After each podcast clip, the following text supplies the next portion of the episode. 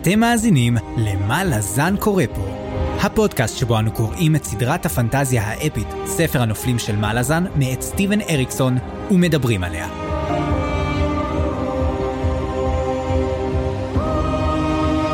אני צפריר, ואני חיים.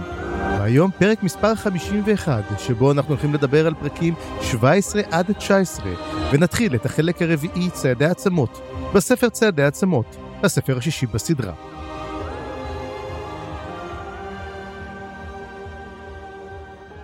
וואו.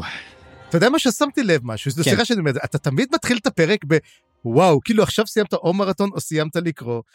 לא, בוא נגיד, יש זמן עד שאנחנו קוראים את הדברים האלו. כן, האמת שלא, אבל זה היה... אה, אבל זה היה וואו. זאת הייתה קריאה נפלאה. נגלה ספוילר, אני מאוד מאוד נהניתי מהפרקים האלה, ואני, עכשיו שאני מתחיל את הפרק, אני מריץ מהר בראש את כל הדברים שרציתי לדבר עליהם, ואז אני אומר לעצמי, וואו. זה המון, זה כל כך דברים גם מעניינים, אז אה, טוב, נראה איך אה, נצליח לדחוס את זה. אבל צפריר, אני מת כבר לשמוע גם מה יש לך לומר, כי לדעתי, לי לפחות השתנו פה כמה דעות על, על חלק מהדמויות, כאילו ממש התהפכו לגמרי. תשמע, מה שאני יותר אהבתי בפרק הזה, של סוף סוף אנחנו מאחדים המון קווי עלילה לקו עלילה רציף, נורמלי, אתה יודע, הוא, הוא שוזר את זה יפה יפה, למרות שהוא משאיר כמה דברים בצד, אתה יודע, ככה שמעניין מה יקרה איתם, אבל uh, כן. אה, וחוץ מזה, תשמע, כבר עבר שבוע, איך אומרים? אני כבר שכחתי, אבל אני זוכר את מה שקראנו, ואני לא זוכר מה קרה לפני כן. אז מה קרה שבוע שעבר? אה, בשמחה, אני אזכיר לך, אבל תתכונן, זה קצת מוזר. מוזר זה טוב. בפרקים הקודמים של מה לזן קורה פה. אם פספסתם את שבוע שעבר, אין מה לחשוש, לא קרה הרבה בכלל, ואני יכול לתמצת את הכל בעזרת קטע קצר מתוך ספר המתכונים הרשמי של צבא מלאזן, מהדורת אי גתן, well done. אלה מתה אחת בחמישה צעדים קלים. 1. לוקחים אדון חפיסה טרי שנראה טוב, מוסיפים חובש גדודי שבור לחתיכות, אפשר פג תוקף, ושמים במקדש פוליאל לכשעה, שעה וחצי. 2. לתוכו מוסיפים כמה כהנים וכהנות מוכי מגפה ומערבבים היטב. לשים לב שלפחות אחד מהם קילפנו טוב טוב מראש באזור הפנים, אפשר עם סוס. 3. נותנים לאדון החפיסה לחורר את האלה שהוכנה מבעוד מועד עם רסיסות הטרל, כך שיתמוסס בתוכה היטב. כשתתחיל לצעוק ואחותה תתערב, זה אומר שהיא מוכנה. 4. תוך כדי זה מכניסים למקדש גם כמה כלבי אימים, אפסלר אחת ונשמה של קוויק בן אחד, ונותנים להם להגיר נוזלים מעל שאר התבשיל. אבל חשוב להוציא אותם אחר כך כדי שלא יהרסו את המרקם של התבשיל. להוציא גם את אחותו של קוויק בן, היא עשתה כבר את שלה. 5. וזהו, להגיש לארמיה שבחוץ מנה חמה וטעימה שלא רק תשביע אותם, אלא אפילו תקים אותם מגסיסה, מילה שלנו. בתיאבון. ואחרי ששבענו, אפשר גם להזכיר על בטן מלאה עוד כמה עניינים קטנים שקרו לקינוח.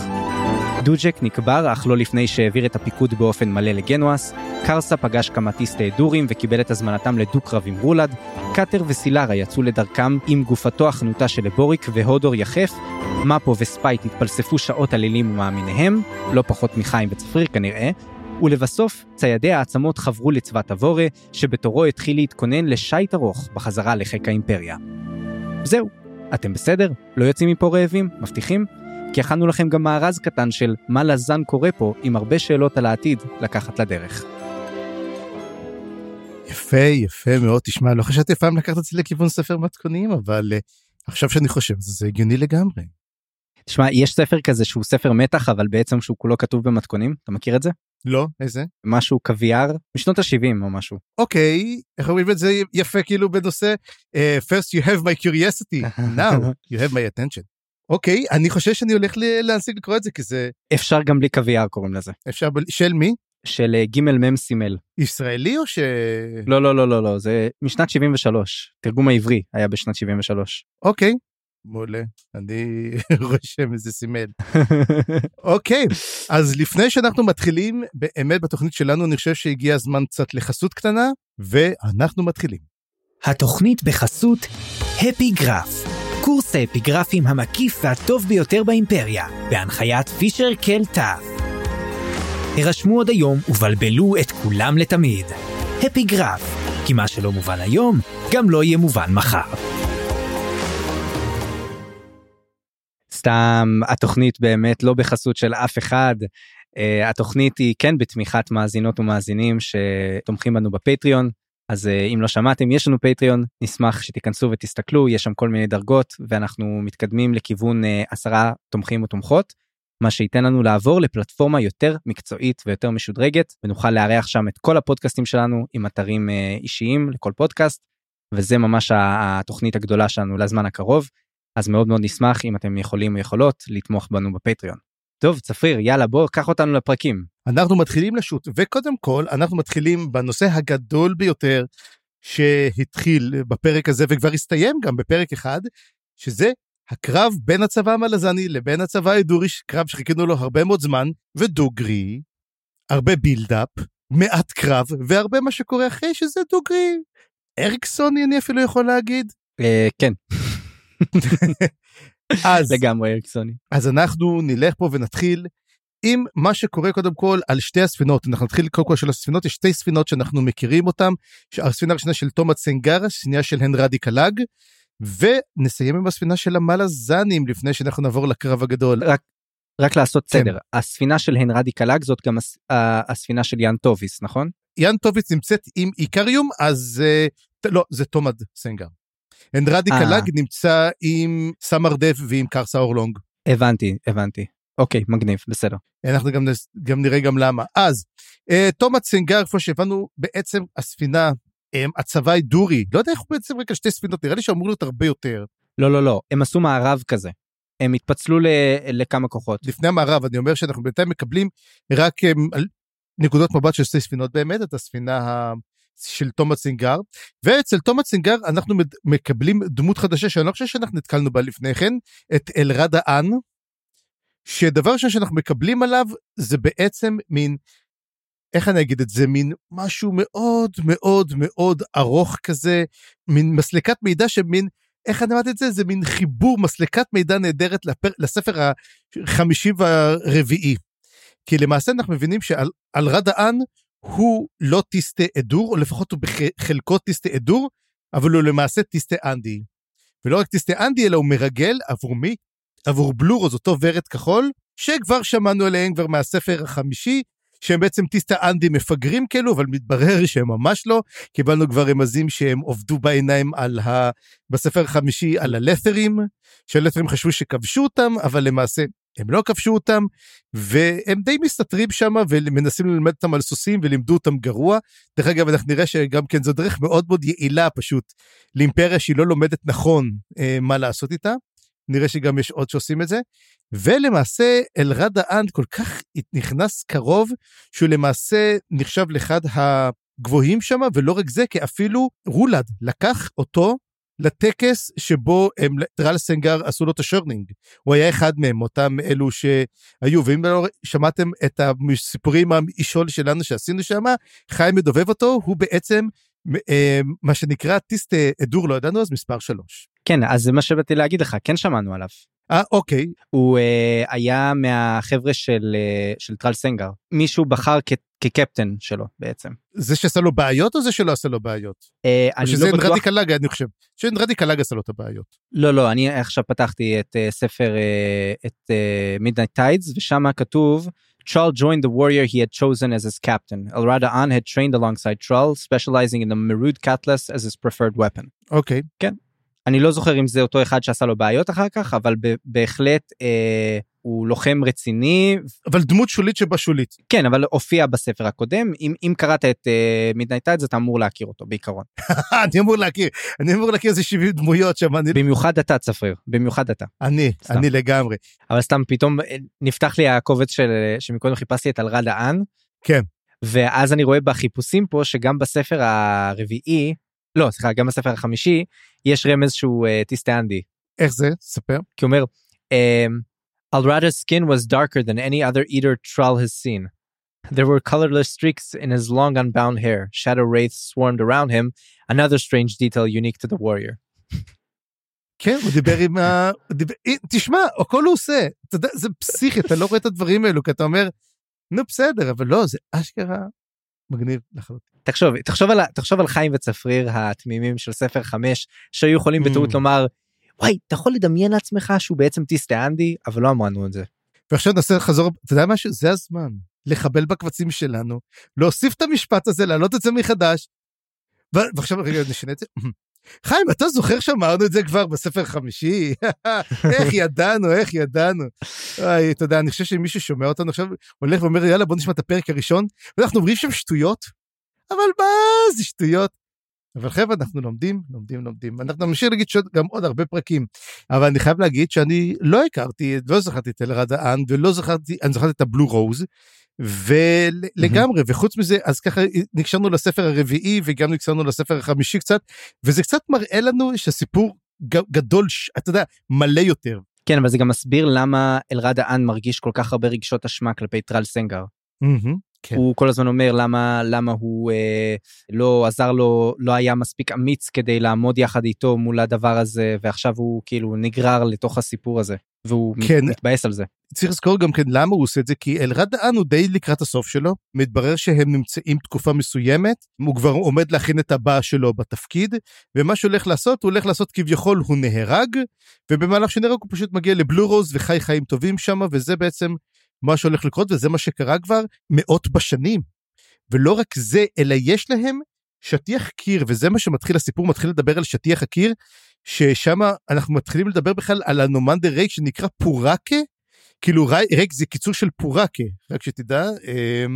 וגם כן הם רואים שם את כל המלחמות של הטיסטה אנדי, בטיסטה אדור ובמה, אמ, כמובן במה שקרה עם אנדריסט והגלות שהוא קיבל על עצמו, ושסקבנדרי בגד בסילצ'ס רוין, וכל הסיפור הגדול הגדול הזה. ולמעשה הבלוחוס נמצאים ממש מתחת לפני השטח, ואני מאוד מאוד רוצה לקרוא עליהם הרבה יותר, ואני חושב שהם ממש ממש מעניינים. בכלל, כל הפרק הזה מכיל המון המון דברים שאנחנו קוראים אותם, ואני אומר, וואו, אני רוצה לדעת יותר על זה. כי העולם הזה נורא עשיר, אתה יודע, זה מין נזיד כזה, ממש, אתה אומר, וואו, אני רוצה להתעכב, אבל ארוחה קצרה מדי. Mm-hmm. ואנחנו בעצם מתחילים לדבר על הספינה אחרי שעל רד האן, מתברר שיש פה את יאן טוביס. יאן טוביס הקרויה גם דמדומים ללא שום קשר לסיפור, לספר נראה לי, של סטפני מאייר, ואני מקווה שזה טוב. ויש לי שאלה אליך, יאן טוביס הופיע, אותה אני זוכר, היא הייתה במגדלים שאמרה לפנות מפנים אותם וברחו. היא בעצם הייתה על הצריח אה, בחוף שהותקף על ידי אחד מהאלים העתיקים. ואני רוצה לשאול אותך, האם אתה לא חושב שהסופר איכשהו מטפח אותה לקראת משהו גדול, ואני אגיד לך למה. אה, כל הזמן מזכירים שיאן טוביס, אבל גם קוראים לה דמדומים. גם כשאתה מסתכל, אין דמות שאנחנו מדברים עליה שיש לה מין כינוי כלשהו, או משהו גם כן. אה, היא נראית כאילו מישהו שהוא כאילו מין עושה אותה, אה, אני אחר כך אספר לך מה זה, כ black, black horse? כ dark horse, כן. נראה לי מה שאתה מתכוון זה שהיא לא NPC. כאילו היא מרגישה כמו כמו player character אתה מבין מה אני מתכוון? לגמרי כן עכשיו כן, כן לגמרי מה שאני רוצה לומר זה שא' זה נכון אבל שתי הסתייגויות דבר ראשון בספר החמישי כבר אז מדברים על לדעתי שהיא סוג של דמות אגדית כזאת כאילו כבר כולם מדברים עליה היא מפקדת מוכרת נער, נערצת mm-hmm. וכל הדברים האלה אז משם גם אולי הכינוי שלה ואני לא יודע לאיפה זה הולך, אבל זה בהחלט יכול לקחת את זה לכיוון שהיא תהפוך להיות יותר מזה. אבל עוד נקודה קטנה זה שאני חושב שאריקסון משתמש בה בשביל להראות את המצב ההדורי בכלל. זאת אומרת, גם היא שהיא הייתה מפקדת גדולה בצבא ומאוד מאוד אמיצה וכל הדברים האלה, מוצאת את עצמה נשלטת על ידי ההדורים. ונאלצת כן, אבל לעשות... עדיין, אבל עדיין בתפקיד גבוה היא אטרי פרדה, לא לשכוח. נכון. אבל היא עדיין נאלצת לעשות כמצוותם, ורואים שיש מקומות, פעמים שבהן אה, זה לא מתאים לה, ואין לה ברירה. זאת אומרת, mm-hmm. היא, היא מכפיפה את הרצון שלה ואת ה... היא כאילו לגמרי לגמרי מובסת. ודרכה אפשר לראות את המצב הלת'רי, וגם בהמשך אנחנו רואים שיש אפילו קאסטות עכשיו אצל הלת'רים יותר ממה שהיה לפני זה. זאת אומרת, כי כל מי שלא אה, מוכן ללכת עם ההדורים הופך להיות אינדטד. Mm-hmm. ואז... כן, הם משתמשים למעשה בקסטות הישנות כדי ליצור בעצם משמעות חדשה. כן. אז uh, לדעתי זה סמל כזה אז יכול להיות שבאמת הזמן מסך כאילו שהיא מקבלת וכל הדברים האלה זה גם העניין הזה אבל גם יכול להיות שהם מטפחים אותה למשהו יותר גדול. כן אז יהיה מעניין לראות את יאן טוביס ונראה מה קורה איתה וכאן שאני אומר eye on her כי אני חושב שאנחנו עוד נראה גדולות ונצורות. Um, יש כזה דבר מושג שקוראים לו דארק הורס דארק הורס הוא למעשה אה, מושג אה, לא קשור לקומיקס של דארק הורס למרות שגם הם עושים אחלה דברים אלא מדובר על דמות שהיא מגיעה משום מקום מין דמות כזאת ש... אומרים אוקיי, היא מעניינת, אבל היא הופכת להיות יותר מעניינת מהדמויות הראשיות, והיא, אתה יודע, היא זאת שמקבלת את הספין-אופים בדרך כלל, זה, זה הדארק הורס. ואני מרגיש שהופכים אותה לדארק הורס כזה. דרך אגב, עשה את זה גם uh, ג'ורג' מרטין בשעתו, שהוא רצה לקחת דמות כזאת ולעשות אותה, וקראו לה דארקסטאר, בכוונה אפילו קצת השתמש במושג הזה מידיעה, וכולם שנאו אותה. כי זה לא המקום של זה, ואז הוא די התעלל בה אחר כך, כי זה, טוב, זה המנהג של מרטין, אבל זה מצחיק לראות בעצם איך בן אדם מנסה להכניס בכוונה דמות כזאת, וזה לא עובד, זה קורה טבעי לחלוטין, אמ, ונראה מה יקרה באמת איתה.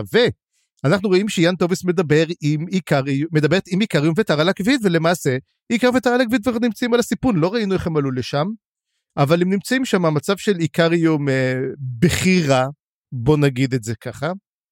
וטרלק ויד מנסה קצת, אתה יודע, להגיד לו, לא, יהיה בסדר, כי אומרים לו, תגיד לי, זה, זה לוחם? הוא אומר, לא, לא, לא, זה בסדר, זה...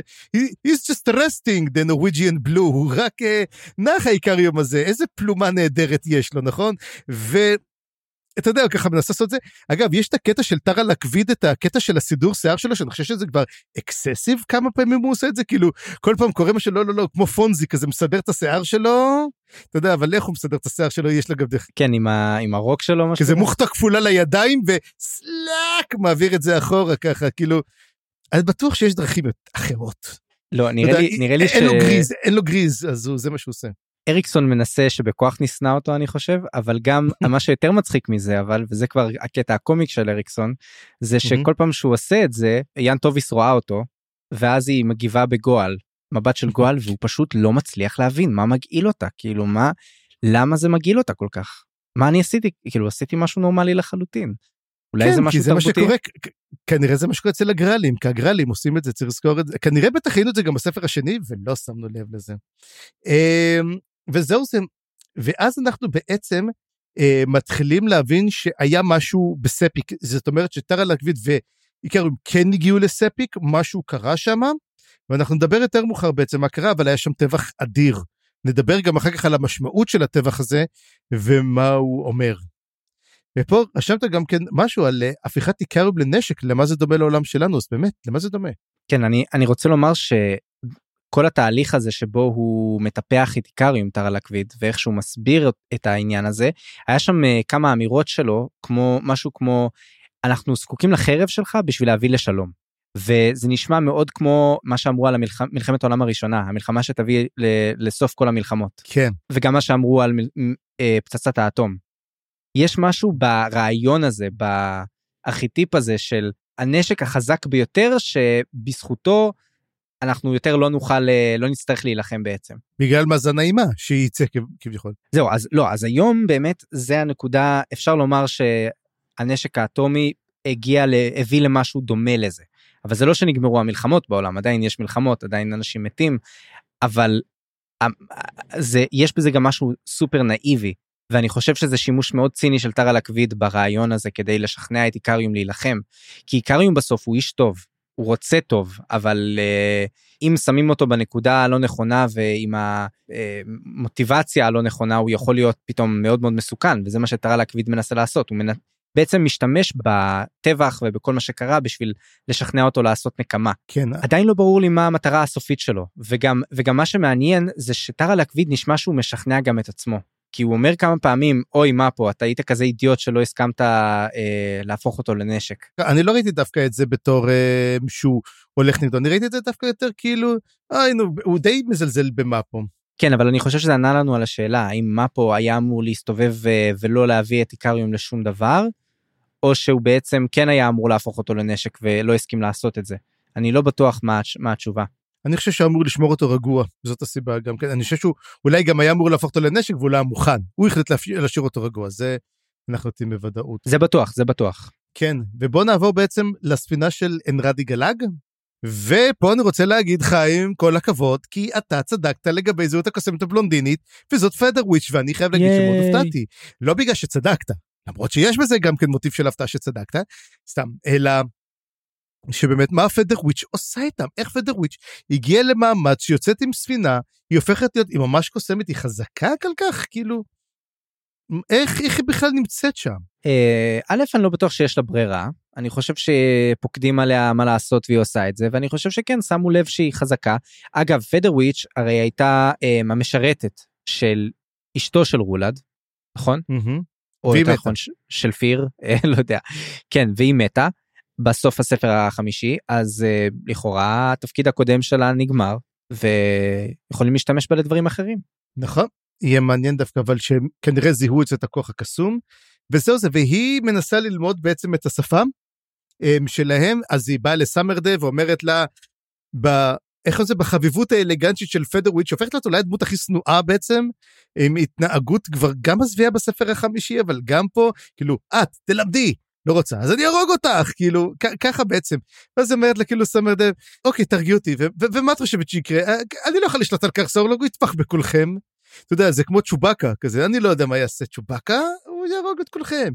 ואז היא אומרת, טוב, נו, היא הולכת עצבנית, ואז הם מדברים טקס, עם טקסיליאן, ואז אני כתבתי פשוט שהוא מלמד דיבור כמו בברליץ, הוא פשוט עושה את ה... הוא מלמד אותה בצורה הכי קשה שיש, הוא למעשה מלמד אותה ארבע שפות בבת אחת, תוך כדי ארבעה ניבים שונים, אה, צורות עתיד ועבר שונות ומשונות, היא פשוט לא מוצאת את הידיים ואת הרגליים והיא לא מבינה את השפה הזאת. ולמעשה הוא די שומר על הבורות שלה.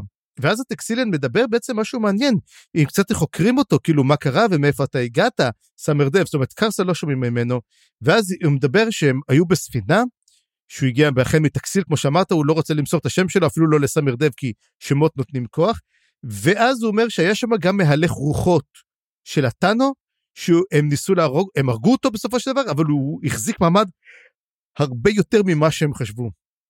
וזה פה מעלה, מעלה פה שאלה שלא שאלנו אותה עד היום, האם זה הקימלוק שהוא מת, או, שיותר, או שיש יותר מאיתנו ספיריט ווקר אחד? Uh, לדעתי אם זה היה קימלוק היו אומרים לנו שזה קימלוק אני לא חושב אני חושב שיש הרבה יותר מאחד לא יודע אם הרבה יותר אבל יש יותר מאחד זה הניחוש שלי. אוקיי, כי אנחנו כן שומעים על קימלוק יותר מאוחר. אנחנו נדבר על זה גם כן, בגלל זה אני לא חושב, אבל כן אנחנו מרגישים שיש להם את הכוחות לאותם ספיריט uh, ווקרס. השאלה עצמה, למה עינו אותו? האם הם רצו שיכתוב עליהם שיר? הם רצו להפוך להיות נשגבים, אתה חושב? או שרצו ממנו מידע כלשהו. זאת השאלה, והאם הטקסיליאן הזה, האם אתה חושב שזה מישהו שאנחנו מכירים אותו, או שזה סתם איזה מישהו um, לא מוכר שעדיין לא שמענו עליו? Uh, לכאורה לא לא מכירים אותו לא לא חושב אבל גם אני אגיד לך מה uh, היה לי פה רשימה שאני לא יודע מה, מה התכוונתי אבל כתבתי שהיה פה דילמה גדולה מאוד של סאמר דב ואני לא זוכר מה הייתה הדילמה. אני לא זוכר שהייתה דילמה כלשהי. האם לא, uh, לא. ללמד אותה או לא ללמד אותה, האם להפעיל את קרסה או לא להפעיל את קרסה? כן. נראה לי להפעיל את קרסה או לא להפעיל את קרסה משהו כזה. כן, תראה, יש לנו בעצם, תראה, יש משהו מעניין. שים לב, משהו בקשר לזוגות. זוכר שאנחנו אמרנו שאריקסון מאוד מאוד אוהב לכתוב זוגות, כי הוא יותר לכתוב דיאלוגים וזה נהדר. אבל שים לב שאנחנו שמים לב שהזוגות שלו הופכים להיות במקרה למפעיל ומופעל. אם בעצם, וגם אולי זה תמיד היה ככה, יש לנו בעצם את קרסה והמפעילה שלו סמר דב, כאילו שהיא יכולה איכשהו, לא יודע אם לנווט אותו. אנחנו רואים שזה קורה לגמרי עם איקריום וטרה לקוויד. אולי גם כן אפילו עם הומור, הומולוגן ועם הקרפדה שלו, עם גמבל, גם כן, האם הוא כביכול הביקורת שלו מפעילה אותו, או שהוא מפעיל את עצמו, ואנחנו נראה יותר מאוחר עוד זוג כזה, אה, של מישהו שמפעיל מישהו אחר. שים לב שהזוגות הופכים, משנים את עצמם ממצב הרמוני של חברים כמו קוויקפן וקלאם, שגם המערכת יחסים ביניהם הופכת להיות קצת מוש... מזונה, אם תשים לב בפרקים האלו, כן. למערכת יחסים נצלנית. אמ, וזה מתחיל לאט לאט וזה מתחיל להיראות מאוד מאוד בזמן הזה. תראה אני לא יודע אם זה ממש אחד לאחד כמו שאתה מתאר אבל בהחלט לדעתי יש פה אלמנט כזה של כמו שקראת לזה מפעיל מופעל אפשר לקרוא לזה בהרבה שמות אחרים אבל בהחלט יש פה מין יחסי כוח בין הזוגות האלה ומה שמעניין זה שהרבה פעמים הם מתהפכים. כי אנחנו יכולים לראות אותם מתהפכים כמו שלמשל אה, אפילו עם קרסה וסמר דב היו נקודות שבהן קרסה היה בהחלט החזק והיו נקודות שבהן סמר דב היא זאת שניוותה והייתה החזקה. למרות שהיא הרבה יותר חלשה ממנו פיזית כאילו אבל אבל אפשר לראות את הנקודות האלה של, ה, של היחסי כוחות ושל הנדנדה הזאת. כן.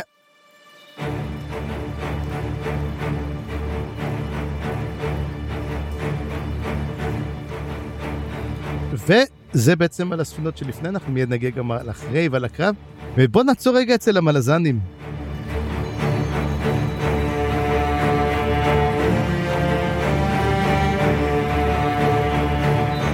אז מה שאנחנו מתחילים, דרך אגב, שאנחנו מתחילים כאילו חמישה ימים לפני זה, מדברים, ואנחנו רואים את הכל, דרך אגב, דרך, מנקודת המבט של בוטל.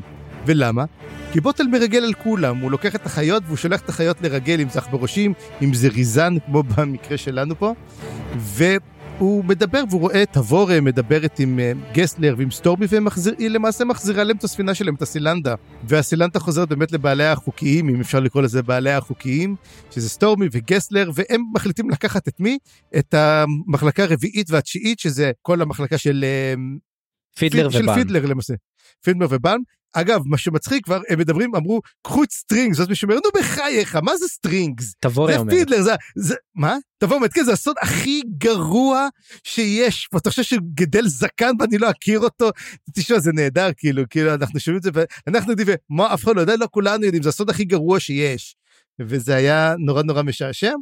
ואז, למעשה, יש פה אה, עוד, זוכר, אנחנו אמרתי לך בדיוק על הזוגות, אז נראה עוד אחד, צעדי עצמות מקבלים גושפנגה, פרדון סורט הופכת להיות המפקדת שלהם, והם מקבלים סיגל, סיגל, הם מקבלים מין סיכה כזאת, והסיכה הזאתי היא למעשה נראית כמו עיר עולה בלהבות שמתחת יש גלי עצמות. וזה נורא נורא מזכיר כמובן את הסיגל של שורפי הגשרים. וזה מראה כביכול שכמו מין גלגול חדש של שורפי הגשרים, וזה קונה את ליבם של העם, וכמו שאומר, הם, אומר לה את זה, אני חושב, פידלר אומר לה, אם לפני זה טעית, שלסין את עכשיו שייכת לצבא לגמרי, הם אימצו אותך לגמרי. במחווה, המחווה הזאת שהיא עשתה. כן, יש פה הרבה כאלה דברים, וגם דיברו על כמה חשובה הנוכחות של הווטרנים בצבא, כאילו בשביל Mhm. שאר החיילים. כי הם בעצם מסתכלים עליהם והם, הם, זה נותן להם, אה, חוץ ממורל ו, וזה, זה גם נותן להם סוג של זהות. וזה נותן להם אה, מטרה וזה נותן להם משמעות בהיות שלהם בצבא וזה ממש מגניב. אה, איך, איך הדברים האלה כאילו הם פורמליים אבל הם בעצם נותנים המון המון משמעות ל- לעניין הזה. וזה כל כך חזק לקבל פתאום את השם הזה של ציידי העצמות כאילו ב- על אמת כאילו כבר ראינו את זה קורה בכל הפרקים אבל כן, פתאום לראות היא את אמרה זה. שהם ב- התחילו מארן, כן, היא אמרה שהתחילו מארן, אבל זאת הנקודה שבה זה בעצם אה, נגמר. זאת אומרת, נתפס, זאת אומרת, רק אתמול בעצם הם נולדו באמת. ועכשיו אני רוצה לדבר על מישהי שאנחנו לא דיברנו עליה הרבה במהלך הספר הזה. התחלנו קצת לדבר עליה בספר הרביעי, קצת השני, הזנחנו אותה, וזאת תיאמבר. כי תיאמבר עושה פה שני דברים, ואנחנו מגלים את זה אחד אחרי השני. מתברר שתיאמבר עשתה את הסיכה הזאת, או לפחות היא עיצבה אותה, כי היא הייתה למעשה בת של איזה צורף או משהו, יש איזושהי שמועה או משהו כזה, והיא עיצבה את הסיכה הזאתי, מה שקנה כמובן הרבה אה, הון פוליטי לתבורה. וגם היא יוצרת, אנחנו מגלים בדיעבד מישהו מזהה את טביעת יד שלה בחפיסת קלפים שמתגלה, ואתה רוצה, אני ראיתי שאתה רוצה לדבר, אני אתן לך כמה שאתה רוצה לדבר באמת על כל הדברים החדשים והמדהימים שקיבלנו פה, אבל מה תיאמבר רוצה? אנחנו מבינים שהיא אומנית, שהיא יודעת באמת לעשות דברים כאלו, אבל יש לה גם ידע קסום מאוד, היא גם לוחמת, אנחנו רואים אותה פעם פעמיים, אנחנו כמעט לא רואים אותה בספרים האלו, אנחנו לא יודעים אם היא לוחמת. היא, היא מאמנת את עבורי, היא זאת, היא המאמנת כושר, היא מאמנת כושר שלה, היא יוצאת, היא יוצאת ועושה לה את האימוני כושר. מאמנת כושר.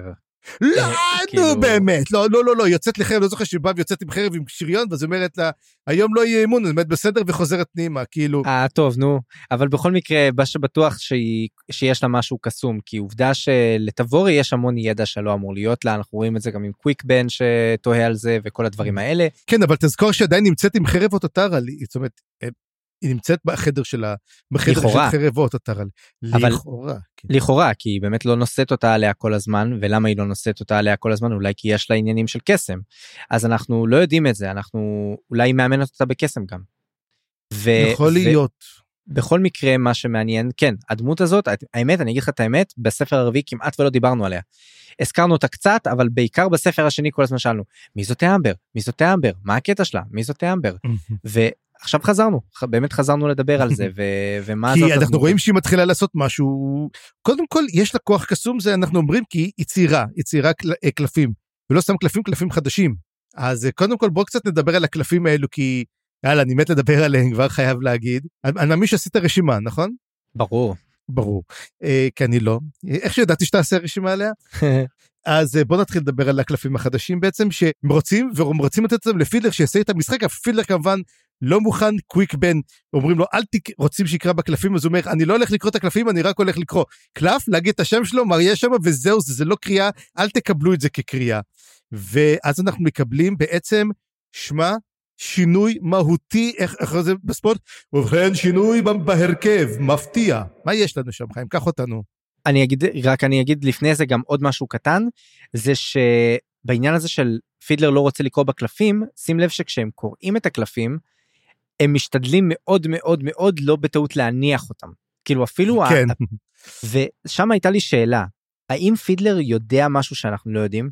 כי פידלר אומר שהוא מאוד מאוד מפחד מהשפעות של האל הנכה והכאוס, ואולי הפעולה של קריאה בקלפים יוצרת איזשהו קשר עם האלים. כן, יוצרת קשר עם האלים. ברגע שאתה נוגע בזה ואתה מס, מסמן, אתה בעצם מקבל איזה, בטח האל מקבל איזה קריאה, כאילו, אתה יודע, אוקיי, השתמשו בי בחפיסה. אבל זה חלק מהחוקים, אתה חלק מזה, אז ישתמשו בחפיסה, אז ודאי שכן. אמ, ואנחנו מבינים גם למה צריך גם master של החפיסה.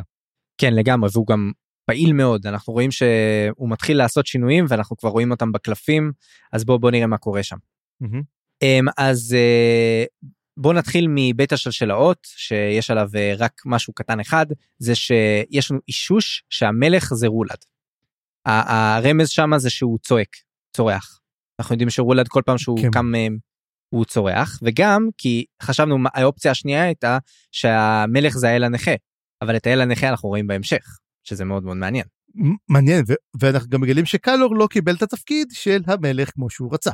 נכון אבל זה כבר אמרנו בסוף הספר הקודם מה... אה, היה לו תפקיד אחר בקיצור אני לא זוכר מה היה התפקיד שלו. כן יש לו איזה משהו האביר אני חושב שלא אביר זה קרסה אז הוא יש לו איזה משהו שם. היה משהו לא זוכר מה mm-hmm. בטח המאזינים uh, זוכרים ויש לנו כל מיני שינויים חדשים בלא משויכים ל-unaligned. אז ב-unaligned יש לנו שינויים מאוד מעניינים יש לנו שליט חפיסה שזה אנחנו יודעים זה פארן והם מזהים אותו גם החבר'ה כשהם uh, מסתכלים על הקלפים. Um, ויש לנו שלשלת chain שמתוארת כשרשרת עם קשר באמצע. שזה מאוד מוזר. ורציתי לשאול אם יש לך תיאוריות לגבי זה כי לי לא היה היה לי הייתה לי אחת חשבתי שזה אולי היה לה נכה ואז גילינו שזה לא הוא כי יש לו קלף אחר. אני חושב ששלשלת אולי זה למעשה ההתגב... ההתגשמות של הכאוס. כי למעשה אנחנו יודעים שהוא רוכב על הכאוס, אותו אל נכה ומשתמש בו, כדי להעביר דרך השלשלאות, ולמעשה אנחנו רואים את השלשלאות כמו איזה כלוב, משהו שנסגר וסגור ורק רוצה להתפרץ החוצה, כמו איזה כלוב. סתם זה הימור שלי שבעצם השלשלאות הם הכאוס. שעכשיו הכאוס גם כן רוצה לשחק ב... אתה יודע, במשחק של, של, הדר, של הדרקונים, שזה מצחיק, שהרי לשם זה כל כמה חפיסות כדי להילחם נגד הכאוס. אז אני אגיד עכשיו, אה, עלתה לי עוד תיאוריה, אין לה שום ביסוס, אבל אני אגיד אותה בכל זאת. השלשלת אולי זה או המרכבה הזאת בתוך החרב של אנומנדר ריק, או דרקונוס אולי. או דרג ניפור עצמה. או דרג ניפור עצמה, כן. יפה, אחלה רעיון. משהו כזה. אולי זה מקבל יותר מקום עכשיו, בגלל כל התפקיד של זה במלחמה עם האל הנכה. כן. אוקיי, אז קלף חדש נוסף יש לנו ה apocalyptic, שזה בעצם אה, כנראה פליסין, נכון? הצעירה, שהוא גם עכשיו כן. לא משוייך. מה שמעניין שהוא לא משוייך, הוא לא חלק מבית השלשלאות. כן, זה למעשה דריז'נה לא הייתה שייכת אף פעם לבית השלשלאות, אבל מצחיק שדריז'נה מעולם לא הצליחה לקבל קלף, מי שצריכה לקבל זאת רק פליסין. אבל... תראה, לא היה שליט חפיסה בזמן של פליסין. אה, בזמן של אה, דריז'נה. כן, אבל תזכור עוד דבר אחד, שאנחנו שומעים אחר כך על האפוקליפסה משהו, וזה לא מה שאנחנו חושבים בכלל. כן, אני רוצה גם לומר שזה, בכל זאת, בוא, בוא נשים לב, אם הקלף דווקא פה, אולי מה שפארה נושא בזה, שהוא מקבע את היכולת של האפוקליפסה לא להשתייך לאל הנכה, למרות שאנחנו נראה שאת האל הנכה הוא גם לא שם בבית השלשלאות. שזה מאוד מעניין. הוא עדיין משאיר אותו מחוץ למשחק, הוא לא נותן לו את הכוח של בית גבוה. כן. שזה מעניין. אמ, אבל אולי מצד שני, אולי זה מה שהאל הנכה אה, תכנן סלש רצה. כי האל הנכה... האמת, אם תחשוב, האם, האם, תחשוב, האם תחשוב על זה ככה, האם המטרה שלנו בעצם היא למנוע מהכאוס להשתלט, וברגע שאתה מכניס את האל הנכה למעין בית, אתה מביא את הכאוס איתך לתוך הבתים. מה שעושה הוא משאיר אותו בחוץ, כאילו, אתה עדיין אל, אתה עדיין נשגב, יש לך מאמינים, אתה כן מגיע לך קלף, אבל אתה לא שייך לשום בית. כן. אפילו שיש לך בית משלך שעובד אותך, אתה לא שייך לבית הזה, הכאוס נשאר עדיין מחוץ. ובוא נגיע באמת לנקודה המפתיעה והחזקה ביותר, יש לנו בית חדש בחפיסה. בית מלחמה. ואני עשיתי פה רשימה של כל הקלפים ה... שאנחנו מגלים, כי באמת הם עוברים עליהם ככה, זה ממש עשה לי פלשבק כזה.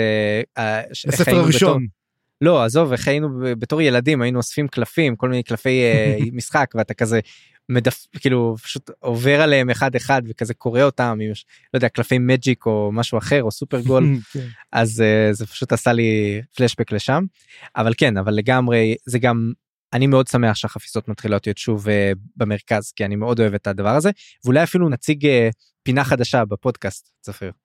נקרא לה? חיים וצפריר מדברים על קלפים. כזה עם כזה יאללה. ג'ינגל כזה מאוד מאוד שמח ו... אז הנה הג'ינגל, חיים וצפריר מדברים על קלפים. חיים וצפריר מדברים על קלפים. אז בואו נדבר רגע על מה שהיה בתוך הבית. יש לנו בעצם קלף שנקרא אדוני המלחמה שזה הקלף הראשי. מתואר בו כס ושני זאבים שזה כנראה טוק ופנדרי די ברור. כן אין פה זה. עכשיו הכס חשבתי עליו טיפה ניסיתי להבין מאיזה כס זה האם זה כס החיות או האם זה אה, הכס הראשון אולי אני חושב שזה כס העצמות, אני כמעט הייתי בטוח, אומרים גם שזה כס של עצמות. זה הכס במשעול החיות. כס אז כס החיות כן אבל אחר כן. כך בהמש, בהמשך פידלר אומר אה הכס לא חשוב בכל מקרה אז אולי נסמוך על פידלר בקטע הזה ונגיד שמה שחשוב פה זה הזאבים מהמם. אחר כך יש לנו את הצייד שזה טריץ' שברקע שלו יש גופה עם אה, ידי ידיים חסרות אז זה הבוריק כמובן. ויש לנו צחיר החרב. עכשיו צחיר החרב זה ההוא מהספר השלישי ששכחתי איך קוראים לו כמובן שזה המורטל סורד של טריץ' גרנטל. גרנטל כן הגיוני נכון שזה גרנטל כן, תשמע, כי אנחנו כל כך הרבה באים וקשורים למלחמה, שכבר מלחמה צריכה כבר לקבל בית, תשמע, עם כל כן ו- האלים שלא משויכים. וגם מה שדיברנו על זה שיש עכשיו שני אלי מלחמה אז זה מאוד הגיוני לשים אותם באותו בית בקלפים. מהמם. um, יש לנו את uh, uh, הקלף שפארן יצר לשומרי לשורפי הגשרים שנקראים עכשיו שומרי המתים. ומה שמגניב זה שהם מזהים שם uh, כנראה גם את הדמויות למרות שזה נורא מלחיץ אותם אז הם לא מתעמקים בהם. כן. יכול להיות שהוא רואה את הד שם פידלר? uh, וגם כן. כנראה. וגם הם רואים שם את הסמל הזה של שורפי הגשרים. הם רואים את הגשר והגולגלות והגשר הנשרף. ויש לנו את הצבא סלש החייל שזה קלף שמשתנה. לפעמים הוא צבא לפעמים הוא חייל והם לא, מקבל, לא מסבירים שם מה זה אבל לי יש לי תיאוריה ותגידי מה אתה חושב עליה אני חושב שהצבא סלש החייל זה קלף שהמהות שלו מתחלפת זאת אומרת כל פעם יכול אה, צבא יכול לקבל את ה... בעצם השראה של הקלף הזה או, או בעצם להיות הקלף הזה בפועל בעולם באותו רגע. וזה תלוי בצבא שהולך לנצח או בצבא שפועל לפי מה שהקלפים מכוונים אותו לעשות. כן, אבל כמו שאנחנו דיברנו, לאלים אין יכולת כל כך לשנות מעשים של בני אדם, או לעשות להם ריוורד, כי מי שנותן את הריוורד פה הוא גנוס פארן מחליט, לא, לא אף אחד אחר. או כביכול המשמעות של בית מלחמה. אני חשבתי משהו אחר, כי אנחנו כבר נתקלנו בזה, בקלף החייל, ומי שקיבל אותו זה הדג', והוא אמר, הוא חלק בעצם מצבא, בעצם אני חושב שכל פעם יש לך את הצבא, שזה באופן כללי, ומדי פעם מישהו יקבל את היכולת, והוא יהפוך להיות חייל, כמו שהדג' הרי ברח מכל הדבר הזה, ועכשיו הוא משוטט לו ועושה אללה בבאללה, אז אני חושב שזה דרך אגב הדג' כרגע יהיה. אמ, מעניין אבל מה זה אומר לגביו. אוקיי אני, אז אני אגיד עוד משהו אה, אה, יש לי עוד תיאוריה עכשיו שעולה שזה אולי בכלל צבא תבורה שמקבל עכשיו מין אה, ישות משלו כי הוא לא בדיוק חלק מהאימפריה כבר אנחנו מקבלים על זה כמה רמזים כבר אה, לא מעטים שתבורה שייכת לצבא שלה אם היא תרצה לחזור עכשיו חזרה לאימפריה יכול מאוד להיות שמאבק פוליטי איתה ועם לסין יגרור למלחמת אזרחים נכון. אולי מאוד. להפיכה צבאית. זאת אופציה שכן. והזוג האחרון של הקלפים זה אה, מאוד מאוד מעניין יש לנו קוטל חיים וקוטל מוות. מהמם. זה התרגום שלי לא יודע אם זה טוב אבל life slayer ו death slayer. ו life slayer זה איקריום זה די ברור שזה הוא אפילו מזהים אותו אומרים גם, אומרים את זה גם שזה הוא, אני חושב, לא אומרים זה, כן פידלר פידלר הרי הסתובב איתו הוא מזהה את, ה, כן. כן, מסתו- מזהה את החרב מזהה את החץ וקשת שלו והקוטל מוות זה האל הנכה טה-טה-טה-טם, שהוא בכלל לא unaligned ולא אה, בית השלשלאות, הוא בבית מלחמה. וזה מאוד מעניין לראות אותו שם, וזה מאוד הגיוני גם. הוא. מאוד מרכזי בכל המלחמות שהיו לנו בספרים האלה, חוץ מבספר הראשון. אנחנו רואים איך הוא מזיז את העניינים, איך הוא מניע את הצבאות הגדולים האלה, את המאבקי כוח האלה. אבל גם מה שמעניין זה שפידלר אומר שהוא ההפך של איקריום, וגם רואים את זה מהשמות של הקלפים. Life Slayer ו Death Slayer. אז האם זה איזשהו setup לזה שיהיה מלחמה או קרב בין איקריום לאל הנכה? האם זה setup לזה ש... ברור, אני לגמרי ראיתי את זה. אגב, זה גם מראה לנו שכנראה, זה כנראה מה שיקרה, אני לא יודע, שאיקריום כנראה הוא זה שיהרוג את רולד. כן, זה גם יכול להיות העניין שאולי הם משלימים אחד את השני, אולי הם הפכים משלימים, משהו כזה, ולכן יש להם מקום באותו בית, ולכן הם לא בעצם אחד נגד השני. תשמע, מה שאמרת פה הוא מעניין, ואני קצת רוצה לקחת בעצם את הנושא שאני אמרתי שבוע שעבר קצת, לבדוק אותו רגע איתך. אחד הדברים שאמרנו, אמרתי בעצם זה שאנחנו לא יודעים מי היה האל הנכה לפני שהוא הגיע לעולם. אני כבר נתתי כבר את התיאוריה שהוא היה אל היופי או משהו כזה, היה איזה אל טוב שפשוט כל המאמינים שלו רצו שיהיה רע, וזה די ניפץ אותו, אתה יודע, הביאו אותו כי הוא חלק מאותו עולם שכנראה מביא איתו את הטרל בשביל לחסל את קלור. ולמעשה, מה שאנחנו רואים פה זה אותו דבר, יש להם את השכחה. גם לאיקריום וגם לאל הנכה, הם לא יודעים בעצם מי הם. עיקר איום, האם, תשמע, אנחנו יודעים שבאמת יש לו את הזעם, אנחנו יודעים שניסה להציל, להציל את גוטוס מתוך בית העזס, וזה גרם לו למחלה שלו, אבל מי היה עיקר איום לפני כן? מי היה איום לפני כל המהלכים האלו? הוא באמת אותו בחור נחמד כמו שאנחנו מכירים ממאפו, או שהוא אותו מין, מה שמתחיל להיות רוצח עכשיו עם אה, טרה לקוויד? וגם האל הנכה, אנחנו לא יודעים. זאת אומרת, מה אם שניהם בעצם משני צידי המתרס? שאיקריום הוא בעצם אדם נוראי, שזה טוב מאוד שהוא בית הזיכרון, זה טוב מאוד שהוא נחמד. אתה יודע, הוא מנהל משהו נוראי, והאל הנכה הוא להפך, אתה יודע, הם בדיוק... הוא היה האל הטוב, אולי האל האור של העולם שממנו הוא מגיע. זה תמיד כאילו מעניין אותי לראות מה הם היו לפני זה, מה הם היו במקור וכמה הם השתנו.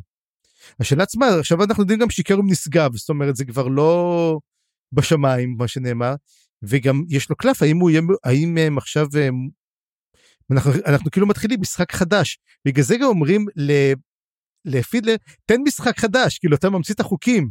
ולמעצם הוא רוצים, תמצא חוקים לקלפים האלו, שגם האל הנכי יהיה כפוף להם עכשיו. אבל פידלר לא עושה את זה, ואני חושב שזו טעות, אני חושב שפידלר כן צריך לעשות משחק. אנחנו יודעים שלפידלר יש כוחות.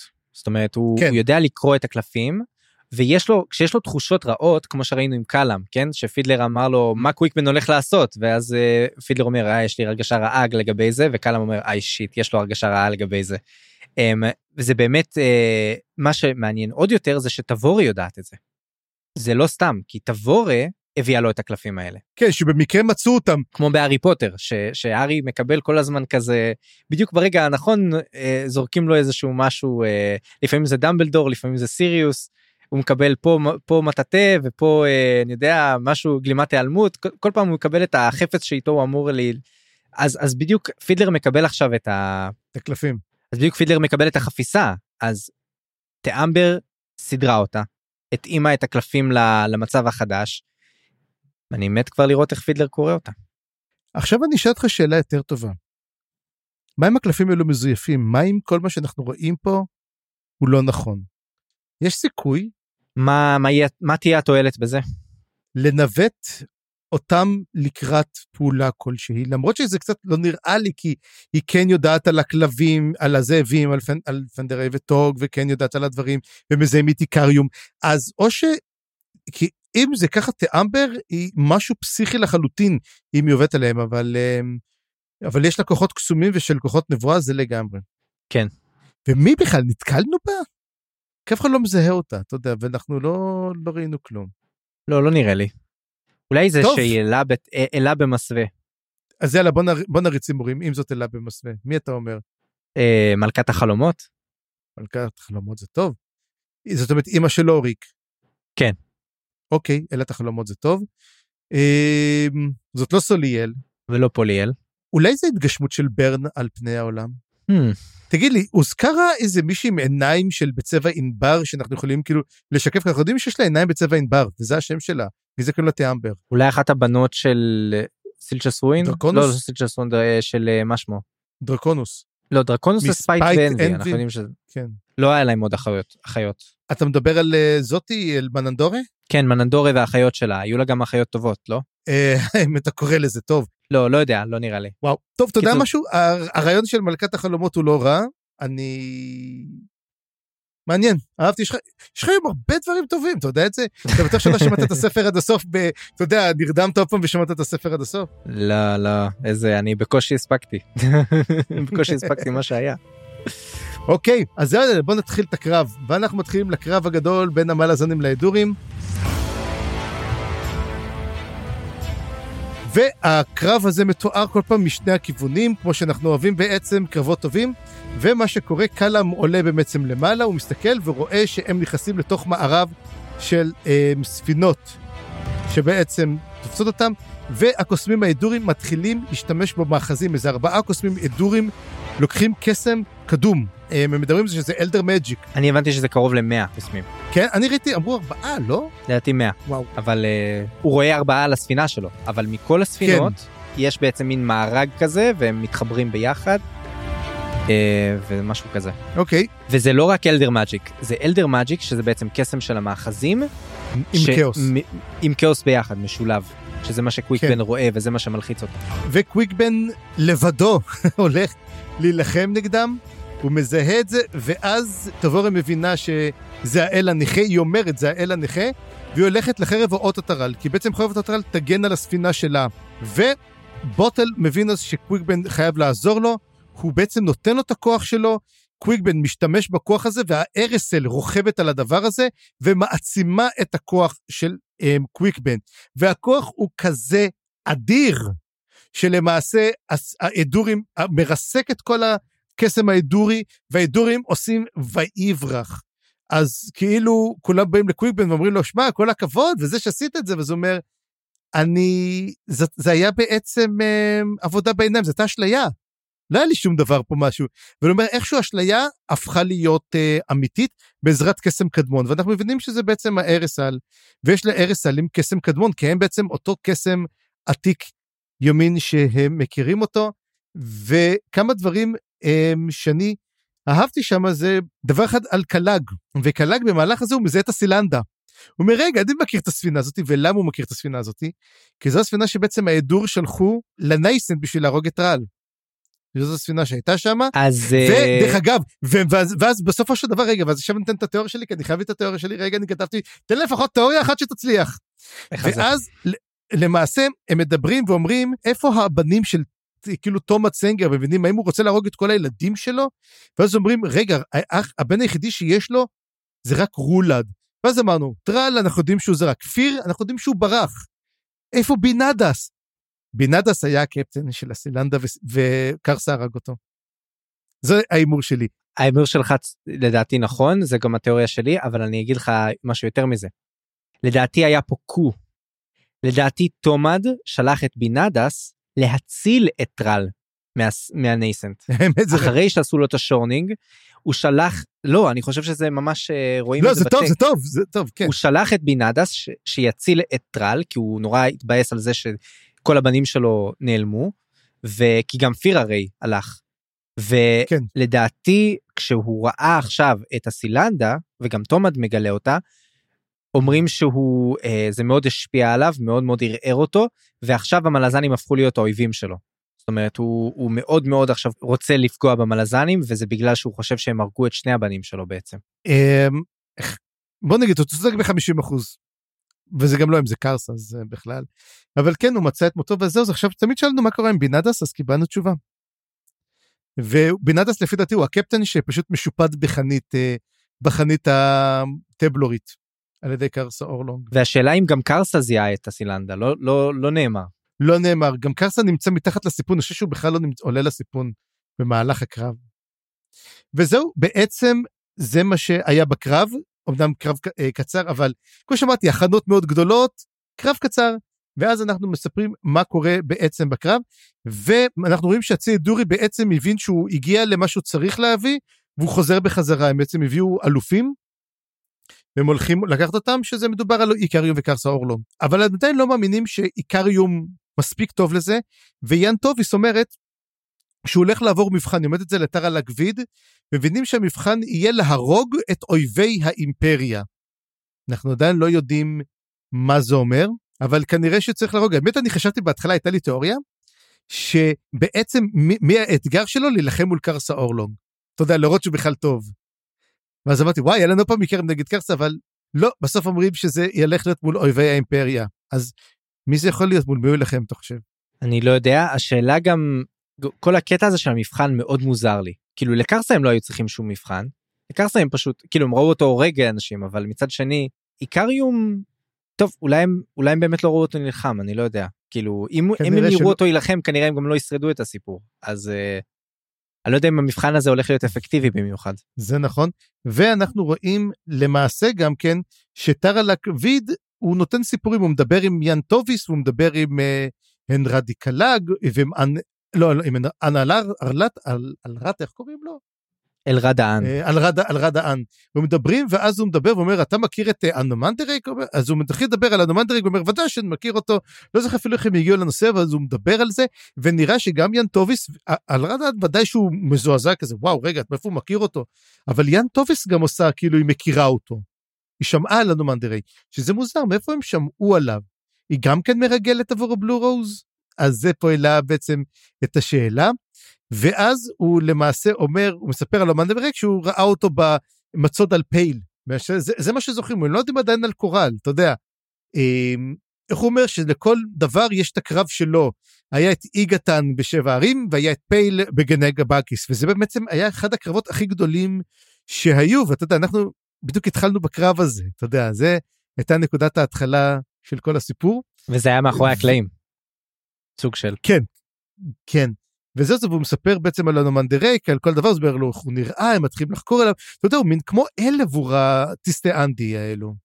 אז זהו זה, אנחנו עכשיו הולכים בעצם לאזור המלזן, אחרי שראינו מה קרה שמה, ויש לנו פה קטע על גבול הביזאר, הייתי אומר, שסין מין עושה reverse, היא עושה reverse לילדה קטנה, היא מחפשת את אותה, אמ, היא פשוט מחפשת, מוצאת את מסן גילני, שכמובן אוהבת ללכת בלי חולצה, כי זאת מסן גילני, והיא פשוט יונקת מהשדיים שלה, היא פשוט מוצאת, מתקרבת ויונקת מהשדיים שלה. זה היה קטע אמ, מוזר. לא? אה, אני לא בטוח שזה מה שהיא עושה צפריר. אני חשבתי שהיא אה, מחפשת נחמה אצל אה, כל מיני אנשים וכולל אצל מסן גילני בהתחלה היא מחפשת נחמה אצל גברים ואצלם יש פחות אה, היא מוצאת, היא מוצאת, לא, מתברר בשארט שזה קורה שגברים מנצלים אותה. זה לא פעם לא. ראשונה שזה קורה. לא הם לא זהו אז זאת נקודה חשובה. היא הולכת אליהם אבל הם לא מנצלים אותה. הוא שרד מסתו, אה, כאילו עוקב אחריה ומ- ומנסה לוודא שלא יקרה כלום ואז הוא אומר שמה שקורה זה בדיוק מה שמסן גילני אמרה. זה שהיא אמרה לה אה, שהיא פשוט נתנה לה להירדם היא לא לא עשתה שום מוב כאילו והיא אמרה כן. בחיים אני לא אה, אה, אפגע בה ואף אחד אחר פה ב, בצעדי העצמות לא יעשה שום דבר כי אנחנו כולנו אה, שרדנו ביחד את איגתן אנחנו כולנו מהמם. יחידה אחת. וזה היה בשביל להראות בעצם את המצב עכשיו את הלכידות שלהם ואת הכוח שלהם כי בעצם שורדים אה, כקבוצה. ואני כן. חושב וזה בכל זאת מוזר נכון אבל אבל אני חושב שזה מעניין לראות איך אה, הם מלוכדים סביב העניין הזה והם רוצים כולם להגן עליה. כן, אתה גם הוספת פה איזה משהו, אז בוא ת- תדבר עליו גם כן. כן כשהיא שמה ממלמלת סין אה, תוך כדי שהיא אה, עם מסן גילני מתקרבלת עליה אז היא, היא ממלמלת שמה שהיא רואה את כולם מתים הם, הם כולם מתים והם מסתכלים עליה והם לא מבינים על מה היא מדברת ואני תהיתי לעצמי אם מה שהיא רואה זה בעצם את המתים של הסילנדה כי הרי היא יש לה כוחות קסומים היא מחוברת אליהם. או אולי היא רואה את, ה, את הרוחות של הטיסטה אנדי או אה, אופציה שלישית וזה לא קשור לכלום אבל אולי היא רואה את השורפי הגשרים. כן, אני, אני הבנתי, אני חושב פשוט שזה מדובר על נבואה. אני חושב שסין, היא מתחילה מאוד מאוד להיות דומה קצת לגרב. לא מדברת, אומרים שהיא שותקת, היא לא אומרת מילה.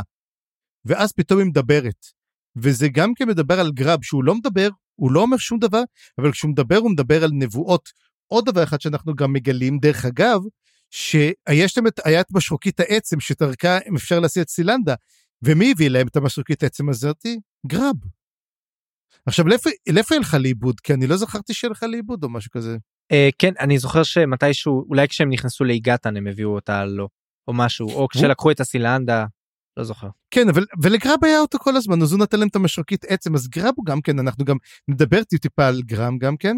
ואחר כך יש את הקטע שהוא קטע קצר אבל תשמע אחד הקטעים הכי טובים שאני קראתי אה, אני קראתי ואני כזה הייתי כזה וואי וואי וואי אתה יודע אתה כזה אתה יודע אתה כל רגע כזה אומר וואי וואי וואי וואי וזה המפגש של אפסלר עם סקווינט.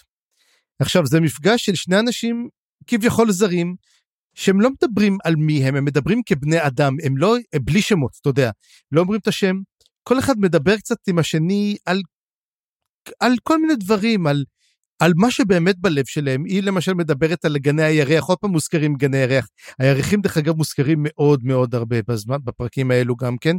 הם מדברים על הירח ומדברים על מה שקורה, ואז הם, היא אומרת לו, טוב, אני לא מכירה אותך, לא מכיר, והם נפרדים כזה, ומרגישים קצת יותר טוב עם זה.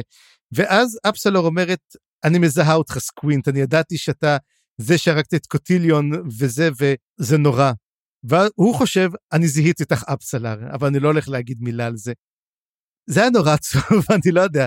זה היה קטע אבל ממש קורע לב, וזה ממש היה קטע מרגש, ואחד הקטעים, אתה יודע, שאתה אומר לעצמך, כן, בטח היא זיהתה או מישהו זיהה אחד את השני, אבל שניהם זיהו אחד את השני, ושניהם הבינו שהם לא רוצים את החיים שלהם. הם מעדיפים לחיות חיים של מישהו אחר, ואולי הם ימצאו נחמה, אולי בעצם אפסלר תבין שהיא לא רוצה למות, היא רוצה פשוט לשנות, תשנה את החיים שלה. אבל אנחנו רואים מיד שזה לא יקרה. מה שמעניין פה זה שבעצם השיחה הזאת היא בעצם מבוא לשיחה שלה אחר כך עם קוטיליון Mm-hmm. וכל הקטע הזה עם הירח באמת זה מוטיב חוזר אני אני אני אומר שהירח הוא פשוט כמו דמות בפרקים האלה בפני עצמו ונדבר על זה קצת בהמשך אבל אבל הנקודה המעניינת גם הייתה שהיא דיברה עם סקווינט הם דיברו על קאטר. ובלי שהוא ידע מי זה כנראה והוא אמר לה כאילו את, את טיפשה אם את חשבת שאת מסכנת אותו בזה שאת אה, שהוא נמצא לידך. אה, זה ששחררת אותו שם את סיכנת אותו ואתה יודע זה, זה קצת אה, יכול היה להיות קיצ'י בכל הזדמנות אחרת אבל דווקא פה זה מאוד מאוד חזק וזה מוביל אותנו לשיחה שלה עם קוטיליון. נכון. ואז בעצם קוטיליון מגיע והוא מספר לה בעצם על קאטר הוא אומר לה את האמת הקשה. הוא אומר לה תשמעי אני לא אני לא יכול יותר לראות איפה הוא. שזה גם מעניין אותי לדעת גם למה. למה אי אפשר לדעת איפה קאטר? הוא אומר אבל מה אני כן יכול להגיד לך היה קרב שפתחו אותו סילרה ילדה ונטשה את הילדה שלה, ופליסין היא נחטפה. ואז אומרת לו, רגע, אתה שלחת את קאטר בעצם להגן על פליסין? הוא אומר, כן, זאת הייתה בעצם המשימה שלו. אז כן, אנחנו רואים שקאטר למעשה נכשל לגמרי במשימה שלו, אבל גם אותי לדעת למה הוא לא מסוגל לדעת איפה קאטר, האם זה בגלל שהוא עם ברטול מקר? האם זה בגלל שהבורק לידם ופשוט הנוכחות האות הטרל העצומה שלו פשוט הופכת אותו למין dead zone כזה של אלים? הגיוני שהאופציה השנייה באמת. או אופציה שלישית זה שזה הבלגן שבשבע הערים כל הקטע של אה, של המגפה ופיליסטין שמתחזקת אולי זה מה שגורם לבלגן שם. אמ, כן. כן וזהו ואתה רצית גם להגיד כמה דברים פה על כן אני אני חושב תראה אנחנו רואים את זה כמה פעמים את המתח ה... נגיד מיני בין אפסלר וקוטיליון. זה כל כך מעניין שזה תמיד בא בהקשר לקאטר גם שככל שהיחסים שלהם משתנים של קוטיליון ובכלל קוטיליון זה דמות עם ארק סופר מעניין ממש. כי הוא אתה יודע הוא, הוא כאילו מתר... הוא, הוא מתחיל מנקודה שהוא מאוד מרוחק מהאנושיות שלו וככל שהספרים מתקדמים אנחנו יותר ויותר מגלים כמה הוא עדיין אנושי בפנים. ואפילו עד הנקודה הזאת שהוא אומר וואי אני חייב להסתפר. ואז הוא מעלה את השאלה של איך אלים מסתפרים? כאילו מי מספר אלים? ולמה אלים צריכים להסתפר גם? כן אז זה מעניין שאלים צריכים להסתפר אבל גם שאלים צריכים מישהו שיספר אותם שהם לא מפחדים שהוא יתקרב אליהם עם משהו חד ולכן אלים לא מסתפרים בעצם הם צריכים לספר את עצמם. אה, כן, אבל אנחנו גם נראה גם כשקוטילון יחזור אלינו יותר מאוחר בנקודה אחרת אבל הקטע הוא באמת שבסופו של דבר של השיחה הזאת אפסלר מתפרקת והיא בוכה בזרועות של אמ, קוטיליון, כמו שקרה בעצם לסין. אה, אנחנו רואים את הדמויות החזקות יותר מתפרקות.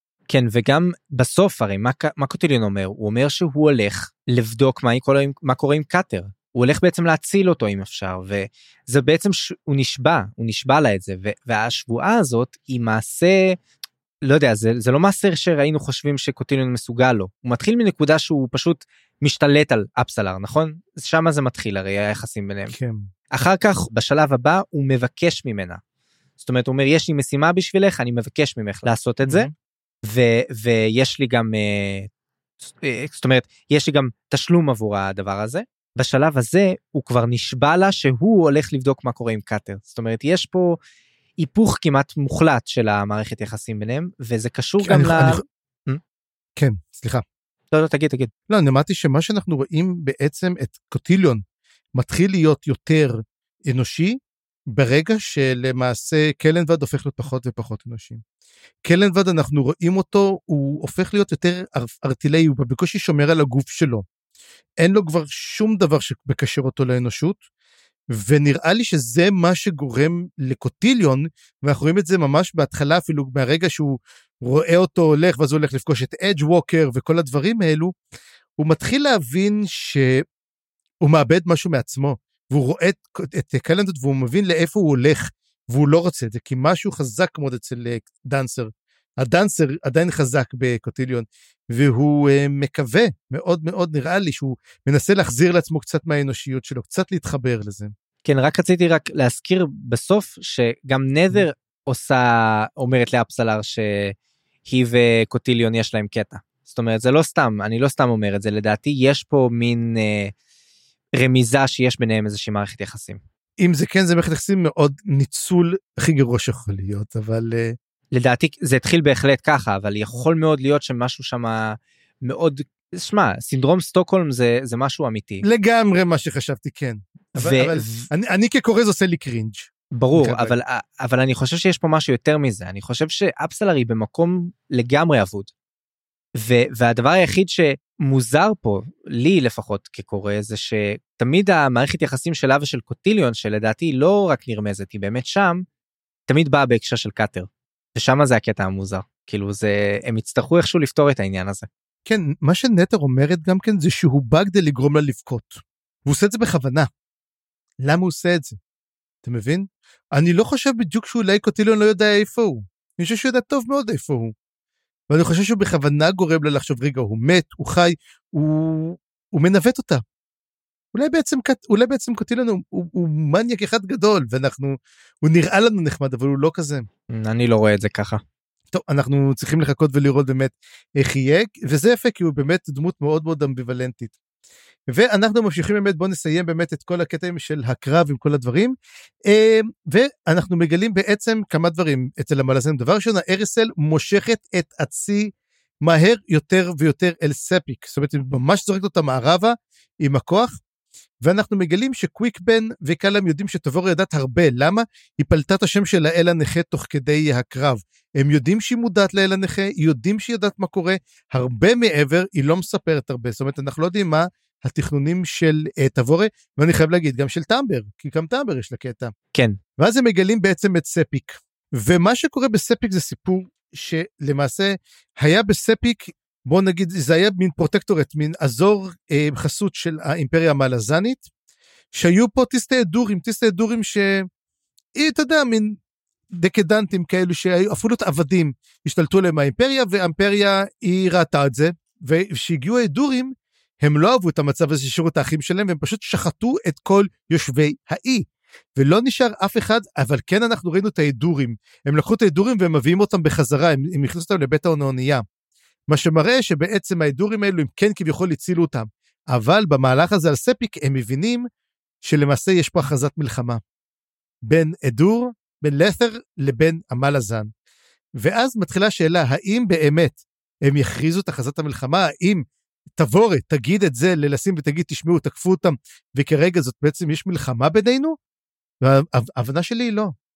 שלא הולכת להיות מלחמה, הם לא הולכים להכריז את זה, ועדיין הארסל דוחפת אותם מערבה, כמו שאומרים, לתוך לא הסערה. מערבה, מערבה כל הזמן. כן, ועוד משהו, יש שם גם את הכוחות של מאהל. נראה לי שהארסל אה. משדלת את מאהל או משהו כזה, אנחנו רואים שגם הוא מוזכר פה, גם אצל בוטל וגם אצל קוויקבן. כן, אה, אומרים שלמעשה מייל אומר, תעשו מה שאתם רוצים, אל תתערבו, אני לא רוצה להתערב בכלום, הוא נותן לכולם לעשות מה שהם רוצים, ובגלל זה הם די מצליחים, אולי בגלל זה גם כן היה כל כך מצליח. דווקא בגלל האדישות שלו. וגם uh, בשיחה של קוויקבן עם קלאם במחסן ההיא שהוא מתחבא בעצם אז uh, הם מדברים על תיאמבר על זה ש... סליחה על גם על תיאמבר אבל גם על uh, תבורה וזה שהיא לא מסתובבת הרבה עם החרב יש להם המון חשדות. וגם הם מדברים על מטרות של הצבא בשבע הערים והאם הם הצליחו או לא השיגו אותם. Uh, וזאת הייתה שיחה מאוד מעניינת כאילו באמת השאלה אם אם יש עכשיו שוב את, ה, את המהפכה זאת אומרת היא קמה מחדש והאפוקליפסה זה לא מה שחשבנו זה לא היה המלחמה של תבורה באחותה אלא זה היה בעצם מה שקרה עכשיו עם המגפה. המגפה נכון. אז uh, האם הצבא המלזני השיג מה שהוא השיג או לא האם תבורה תחזור כמנצחת או לא האם uh, לסין תקבל אותה בזרועות פתוחות או, או תוריד אותה מהר מכוחה. האם יהיה פה מלחמת אזרחים כן או לא יש פה המון שאלות מצוינות שכאילו אנחנו מקבלים עליהם עכשיו את ה setup הזה. Mm-hmm. ואנחנו גם רואים דרך אגב והנה דבר אחד קטן שסתם מזכיר אותו שלמעשה על נת'ר וניל שניל צוחק כל הזמן על נת'ר שאחרי שהמפגש שלהם עם האימא שלהם אם אתה זוכר שבאמת לה לכי תביא לי ילדים מה תעשי את זה כאילו פה נראה שנת'ר כאילו הולכת עם בוטל כן כן יש איזה שמין רמזים כאלו אבל עדיין נוטל נוטל אבל או, או באטר. באטר. אוי, זה טוב.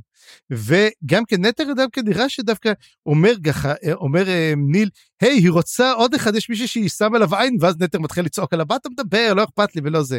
אז כן, נראה לי שהיא הולכת להיות איזה מין shipping של בוטל עם נטר. ויהיה, אבל היא קצת צעירה, כאילו היא בת עשר? לא, היא נראה לי כבר יותר מבוגרת. 11? היא הייתה בת עשר כשהתחילה המלחמה. קח עוד שנה, שנתיים. בכל מקרה, מה שמעניין פה זה גם שהדחיפה של הארסל בוטל מאוד לא אוהב אותה. זאת אומרת בוטל גם גם יש לזה השלכות שהוא אה, יש לו תאונה קטנה אחרי ההשפעה של הארסל בקרב שם אבל חוץ מזה הוא גם אומר אני לא היחיד שמרגיש את כל הסיפור הזה גם קוויקבן מרגיש את הדחיפה הזאת. ואם אנחנו מקבלים עזרה צריך מאוד מאוד לוודא גם שזה לא בא על חשבוננו בסוף. כאילו האם העזרה הזאת יש לה מניעים אה, אחרים ולארסל יש סיכוי טוב מאוד שיש לה מניעים משל עצמה ואנחנו בכלל לא יודעים אם זה מניעים שמתאימים לצבא המלזני ולמטרות שלו. כן אז אנחנו צריכים פה באמת אה, לחשוב על זה ו... זהו לטאטה סתם. לא, יש לנו עוד הרבה מה לדבר. חבר'ה, התחילת הפרק. אה, אז זהו בעצם עם הסיפור עם המלחמה הגדולה. ואנחנו בעצם נגיע לעוד איזה כמה נושאים שהם קצת יותר קטנים, אבל זה בעצם הנושא שהעסיק אותנו רוב הפרקים הללו. כן, נעבור בעצם להפסקת פרסומות קצרה, ומיד לאחריה נראה את שאר הנושאים של הפרק. תיכנסו, אל תתביישו. ברוכים הבאים לחנות נרות הנשמה של סבתא ריגה. אצלנו תוכלו למצוא נרות מכל הסוגים והמינים. בעלך לא חזר מהמלחמה? בנך הלך לאיבוד בביצה בהתקוקן? את לא רוצה להישאר לבד בבית? במחיר שווה לכל נפש תוכלי לקבל נר נשמה לפי בחירתך, עם הנשמה שאת רוצה יותר מכל כלולה בפנים. אין יותר לילות קרים עם הנרות של ריגה. הוצאה מוכרת וספקית רשמית של הצבא המלזני. להזמנות, נא לפנות לבוטל, הארמיה ה-14, מאחורי אח בראשים. טוב, תודה שחזרתם אלינו. אנחנו עוברים לדבר עכשיו על מלאז סיטי. ומלאז סיטי זה משהו שעוד מאז שראינו את המפה בתחילת הספר אמרתי לעצמי מלאז סיטי באמת מה אנחנו הולכים לעשות שם מה לזן אנחנו הולכים לעשות שם. ועכשיו אני רואה שזה כמו שראיתי בריאיון שאריקסון עשה הספר הזה הוא כמו שני ספרים שפשוט התנגשו ממש מהר וממש חזק ביחד. זה כאילו משהו אחר לגמרי במקום אחר לגמרי ו- ויש פה השלכות מאוד מאוד מעניינות וכבר על ההתחלה שהתחלנו את החלק הרביעי היה שם אפיגרף שנתן פה את הטון לכל האפיגרפים האחרים ולחלק הזה במיוחד. ובאמת האפיגרף הזה מדבר על סילוף האמת והסילוף של הקטע של הוויקנים ו- ושרשרת הכלבים שכל העלילה פה בעצם במאמצים גם של דמויות מסוימות מתחילה להסתלף. ואנחנו רואים שהוויקנים הופכים להיות רשעים שערקו מהאימפריה בעצם פנו לדברים אחרים וניצלו את פום קואל ובגדול הרעים הופכים להיות טובים הטובים הופכים להיות רעים. וזה לא סתם איזה ככה ספרי היסטוריה או משהו כזה שמתחילים להסתלף אלא ממש זה מתחיל להיות הטון באימפריה ואנחנו רואים שהוויקנים לא רק שלא הצליחו ולא רק שלא קיבלו את מה שהם היו צריכים ולא רק שאיבדו את קולטיין, הוויקנים שחוזרים לאימפריה מקבלים קבלת פנים מאוד מאוד לא טובה. הוויקנים שחיים בערים כמו במלאז למשל, מתחילים ממש אה, לעשות בהם פוגרומים. ושמע צפריר זה כל כך עצוב אה, וכל כך אמיתי, איך אפשר לסלף את האמת ככה. ואנחנו, אחרי שעברנו את כל הספר השני, זה עוד יותר כואב לנו, כי אנחנו ממש חווינו את כל הדברים האלה. אמ, מה שכן אנחנו רואים את זה שבאמת אה, באמת ראינו את זה באפיגרף את הדבר הזה ולא רק דרך אגב בוויקנים גם דייקר מקבל אה, תשומת לב לא טובה כי אומרים אולי אם דייקר מה ש... כי למה זה אומר? כי מה שדייקר כותב תתעלמו ממנו. דייקר בגד. ואנחנו רואים טוב מאוד אחר כך מי מפיץ את השמועות האלו וזו דמות שאני אני שנאתי פעם אני שנא ואני אמרתי זה אולי הדמות הכי שנואה בסדרה בינתיים. כן. יותר מרולד. לגמרי, ואז יש לנו בעצם דמות אבל מוקד חדשה שקוראים לו בן אסקר, ובן אסקר זה בדקתי, לא מופיע לפני זה. בן אסקר מופיע בפרולוג והוא הראש של אה, מקדש דרק. נכון, אבל הוא לא מופיע לפני זה אני מתכוון בספרים הקודמים. אה, לא, לא, לא, בספר הזה ודאי. כן, כן, הוא, הוא הראש של מקדש דרק שבעצם... אה, אה, הפרולוג מתחיל איתו, בוא נגיד שהפרולוג מתחיל איתו, ועכשיו פתאום אנחנו מקבלים אותו פה. מקבלים אותו שוב, כן. זה בעצם מחבר אותנו ל, ל, לעלילה הזאת, ומה שמעניין על הדמות הזאת, זה שאנחנו, דרכו אנחנו מגלים עוד הרבה דברים מעניינים, אבל הוא גם uh, מראה את המצב במלאז. זאת אומרת, הוא נקודת מוקד כזאת שדרכה אנחנו גם יכולים לראות את המצב הקשה של הרדיפה של הוויקנים ושל ה... אתה יודע, הסמטאות האפלוליות של מלאז, וזה כזה שינוי מה... הקרבות ומהמלחמות והשדה והים עכשיו. כאילו זה, אני, אני אוהב את הסביבה האורבנית של אריקסון, הוא כותב אותה מאוד מאוד טוב. בקיצור, כן, אה, הוא יודע לכתוב הרבה דברים על ערים עלובות. שים לב שאין לו ערים יפות. זאת אומרת, אולי דרוג'יסטן, אבל מעבר לזה, מלאז סיטי זאת עיר אה, כל כך D&D, כאילו, אתה יודע, מין, אתם הולכים, הולכים לפונדק. אגב, יש לנו פונדק יותר תראה, נותנים לנו חסות, אני יודע, פונדק הפיניקס וכל זה, אבל יש לנו פונדק חדש, הפונדק של קופ. כן, אפשר, אה, נראה, אולי גם הם יסכימו לעשות לנו חסות. אה, אבל בכל מקרה, הפונדק של קופ הוא לא מקום סימפטי, יש שם אנשים מאוד מאוד, אה, יש שם רק שני סוגים של בירה צפריר. אני אישית לא, לא הייתי הולך על זה, אבל אחד מהם בהיר ואחד כהה, והבהיר הוא, הוא בטעם של מים, והכהה הוא מזעזע. קיצור, סתם לא, אולי הכהה הוא יותר טוב, אני לא יודע, אבל יש שם כמה שיחות שהוא מנהל. והדבר ראשון אז יש שם איזשהו שיחה עם מישהו זר. שמדברים שם על מה שקורה בקורל נכון? כן. מדברים שהרי יש ניסיון פלישה לקורל זה אנחנו יודעים כבר כמה דברים והמון ספינות חוזרות משם המון.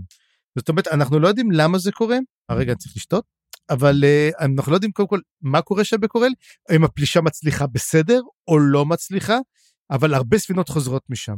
האם זה אומר שהאימפריה המלזנית למעשה מפסיקה את הפלישות ומתחילה להתכנס? כן, או יכול להיות שזה קשור לסטורם וול, שהדבר, אנחנו יודעים שפרדנסורט אה, יצאה משם, אבל השאלה, מה קורה שם, ב... כי אנחנו יודעים שזה ליד קורל, הסטורם וול. בקיצור, אז אנחנו מדברים על הקטע הזה, וגם יש שם שיחה עם איזשהו איש זר. ואתה שאלת מי זה הזר, אז יש לי תיאוריה קטנה. והיא מאוד מאוד טיפשית. אבל אני אתן אותה. הדרך שבה הוא מדבר שם מאוד מאוד הזכיר לי את טניס ביול. מי שאנחנו קראנו רק את ה... אפיגרפים שלו. הוא דמות של אפיגרפים, נכון? רק דמות של אפיגרפים. נכון, אה, טניס ביול זה sayings of ה fool. רגע, זה לא, הוא sayings of the fool, כן. כי הוא שם הוא, הוא שיכור כזה והוא מדבר כזה אתה יודע אמירות חכמות אבל שנשמעות טיפשיות או טיפשיות שנשמעות חכמות וזה מאוד מאוד הזכיר לי את טניס ביול. אז אה, זאת האופציה היחידה שעלתה לי מי שזה יכול להיות אבל זה יכול להיות גם אה, בעצם אולי ההלך אה, הנודד. אה, מה שמו? דאסם אולטור. אני חשבתי שזה דאסם אולטור באמת גם כן אותו אחד אבל אני לא חושב שדי כל כך יש סממנים עליו או למה הוא יעבור שם. אז גם כן שאלה טובה מי הוא באמת הזר הזה אז מאזינות ומאזינים אם יש לכם תיאוריות ולא קראתם ואתם יודעים ויודעות מי הוא הזר תרשמו תגידו לנו. אמ, אז יש לנו גם אה, אתה כתבת איזשהו קישור לליל הסכינים אנחנו רוצים לדעת מה זה. אה, כן אוקיי אני לא אתן ספוילרים אבל אני יכול להגיד שהמון המון דמויות ומקומות מליל הסכינים מופיעים בפרקים האלו זה נראה כאילו ליל הסכינים הוא הפרולוג של הספר הזה. החלק השני זאת אומרת כמו שאמרת באמת אה, צעדי עצמות זה שני ספרים, אז הספר הראשון היה תשע הזה, והספר השני כנראה מה שהולך לקרות במלאז. אז הוא ממש מסביר על כל המקומות, כי המקום של קופ היה שם, ועוד דמויות שראינו, כמו שם למשל, בנסקר לא היה שם, הזר לא היה שם, או שכן או לא, אבל כן אנחנו רואים, אני לא יודע אם אתה שמת לב, על דמות בשם טמפר. אתה, אתה שמת לב שהוא מופיע כמה פעמים? טמפר הוא למעשה הדמות הראשית בספרים. אה, מגניב. זהו, זה הכל, אבל בעצם זה לא כזה...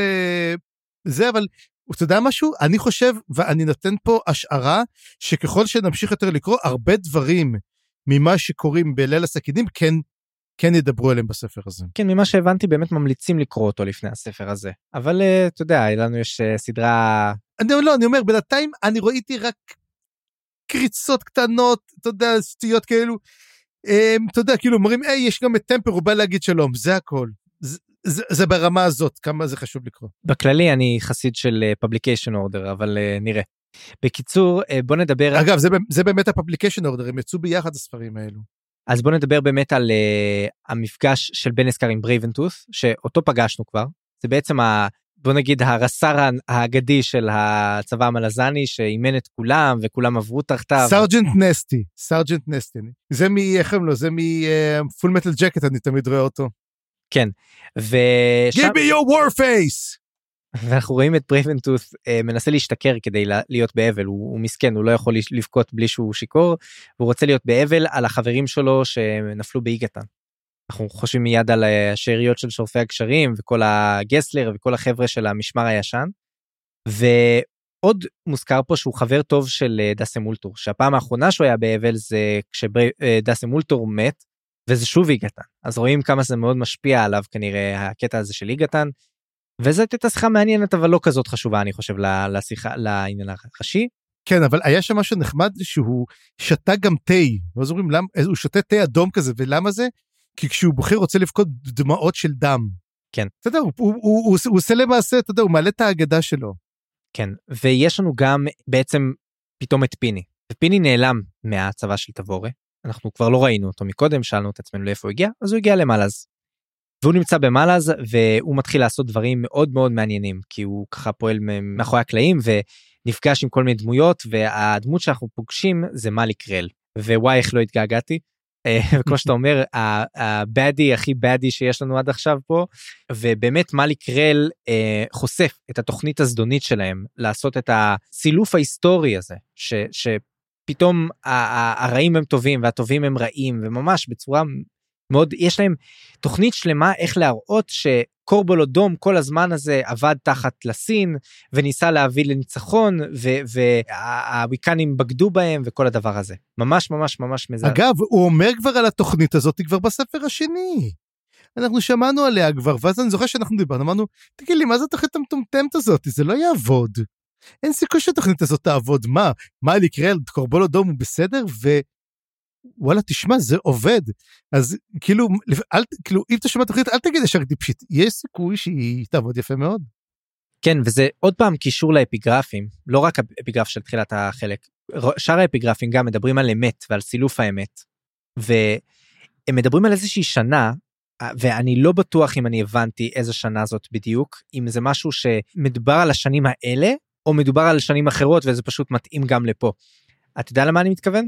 אני מיד הולך לבדוק את זה. הנה אני אפתח אני אפתח. הנה אה, שנת עשרת אלפים או רבבת השקרים של קייסן. כן אבל אתה יודע משהו זה מזכיר אה, כמו ספירה של שנים אתה יודע זה מין איך אני אגיד את זה זה כמו למשל יש את זה בדרך כלל אני רואה את זה בממלכות הנשכחות שיש לך את השנה של החרב השבורה השנה שזה זה ספירת מין נורא נורא D&D כזאת. גם פה יש לנו את זה הרבה אצל אריקסון יש את זה מלא אבל אבל שנת עשרת אלפים הזה זה לא תיארוך רק של של איפה אנחנו נמצאים השאלה אם זה אם זה כינוי לשנים האלה נגיד השנים שבהם הוויקנים הפכו להיות ה... כי גם האפיגרף של החלק מדבר על זה mm-hmm. שבעצם היה נעשה פה סילוף כאילו ההיסטוריונים מאוחרים יותר מבינים שהיה פה סילוף של האמת כן הם הם הם כן. זה ברור להם עכשיו האם אז לכן האם קראו לשנים האלה רטרואקטיבית שנת אה, עשרת אלפים השקרים או שזה פשוט שנה אחרת שמתאימה גם לפה זה, זאת השאלה שלי. לא, אני חושב, שאני, לי זה נראה, אתה יודע, כמו היסטוריוניק, הוא מדבר בעצם שהאמת היא כמו לחץ, ואין מה לעשות, כי, אל- כמו, הוא אומר, לשקר אין רגליים. אז בסופו של דבר אנחנו נראה שכנראה האמת הזאת תיחשף. מה שהוא אומר לנו, תראו, אתם רואים כרגע את השקרים, אבל זה ייחשף, ואני מקווה מאוד שיהיה מוות נורא נורא נורא אכזרי למה יקרה לאותו טיפוס אה, שנוא עליי. אמ, ובכלל, אני, אני, אז היה לי מעניין פה הקישור גם לפיני. מה פיני עושה פה? מה הוא נפגש איתו? מה התפקיד שלו בכל הסיפור הזה? לא, לסין החזירה אותו אליה עכשיו. כן, אז, אבל למה הוא נפגש עם מרלי קרל? לא, אז זהו זה. מה שקורה הוא שיש את... אה, הרי פיני בטוח שלוסטרה איל מתה, כי הוא ראה אותה נשרפת לפני שבעצם אה, קוטילון לקח והבריח אותם. והוא חזר בחזרה ללסין, ואמרה לו, תשמע, מליקרל חזר, אז אה, בוא תבדוק את הסיפור שלו, אם הסיפור שלו נכון או לא נכון. אתה, בעצם אתה צריך לגלות את האמת. כמו שהוא אומר, אם אתה רוצה, אומר, לך לקורבולודום ותשמע ממנו את האמת. שהוא תמיד עבד עבורה. כאילו, אתה תראה, כאילו, בעצם אני רואה שהוא חוקר את האמת, ובגלל זה הוא נמצא בעיר. זה עם כל הסיפור עם טיישן, זה כבר סיפור אחר לגמרי. כן, אה, אנחנו רואים שמה שבעצם מנסה בן אסקר להשיג זה אה, ראיון עם טיישרן ופגישה עם טיישרן.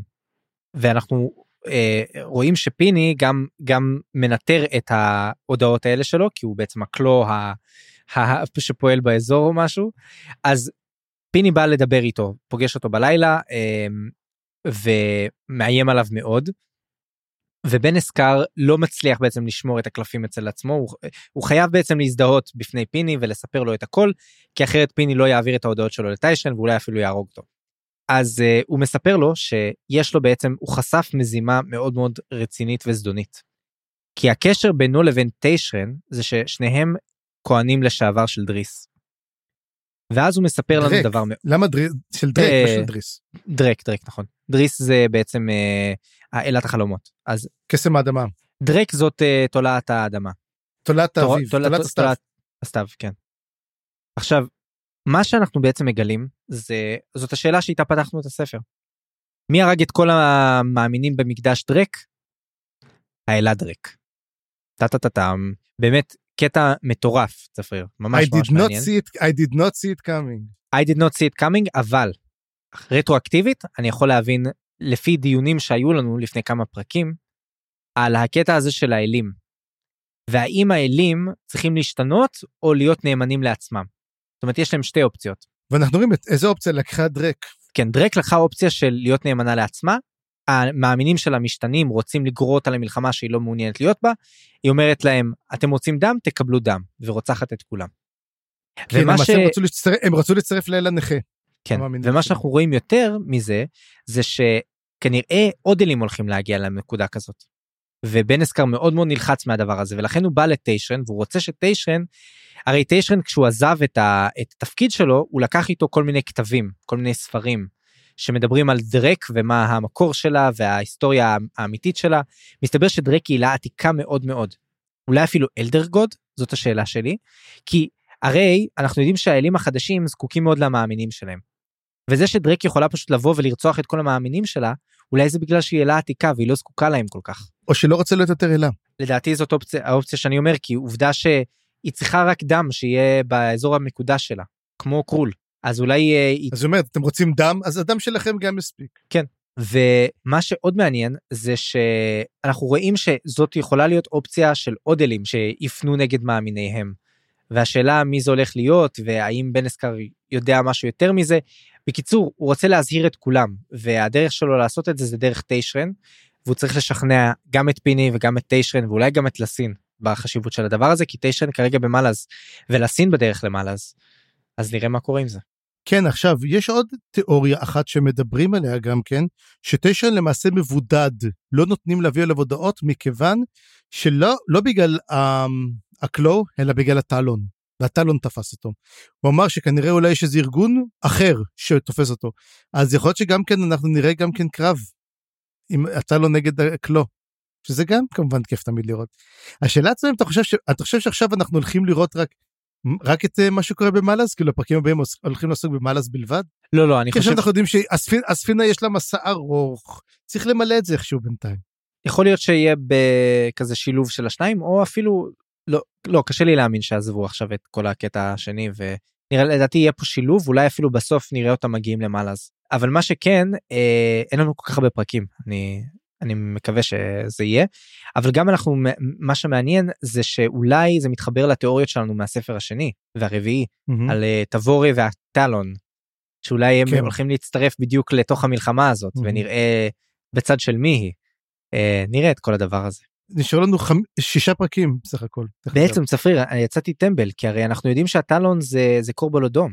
ובדיוק חזר לעיר, הוא- הוא קרא לעצמו הטלון, הוא לא בטוח שהיה בעצם טלון. הוא קרא לדעתי הוא, היה, לעצמו הטלון. לדעתי הוא היה טלון, לדעתי הוא בהחלט היה טלון, ועכשיו זה שהוא במלאז, זה יכול להיות שהטלון מתעוררים בשביל להצטרף אליו, ובעצם הוא מתחיל אה, להפעיל אותם. אז יש לי שאלה פה לגבי זה. אנחנו יודעים כבר, או לפחות אמרנו שאנחנו חושבים שפיני ייהרג על ידי לוסטר רעיל, נכון? זה אנחנו כבר חשבנו.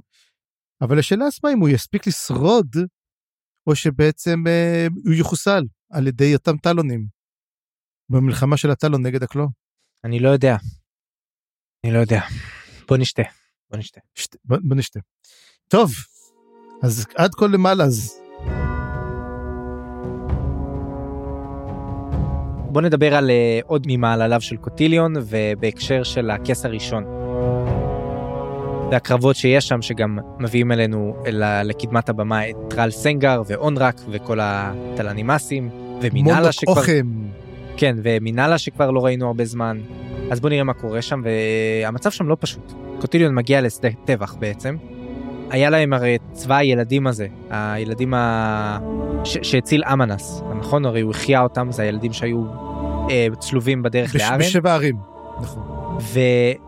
וקוטיליון מגיע והוא בעצם צריך להתמודד עכשיו עם המצב הזה שמינאלה וכל הילדים האלה במצב גרוע מתו המון נראה לי רק 400 מתוך אה, 1,500 1,600 נשארו עוד איזה 300 אה, פצועים קשה אז אה, אין להם המון.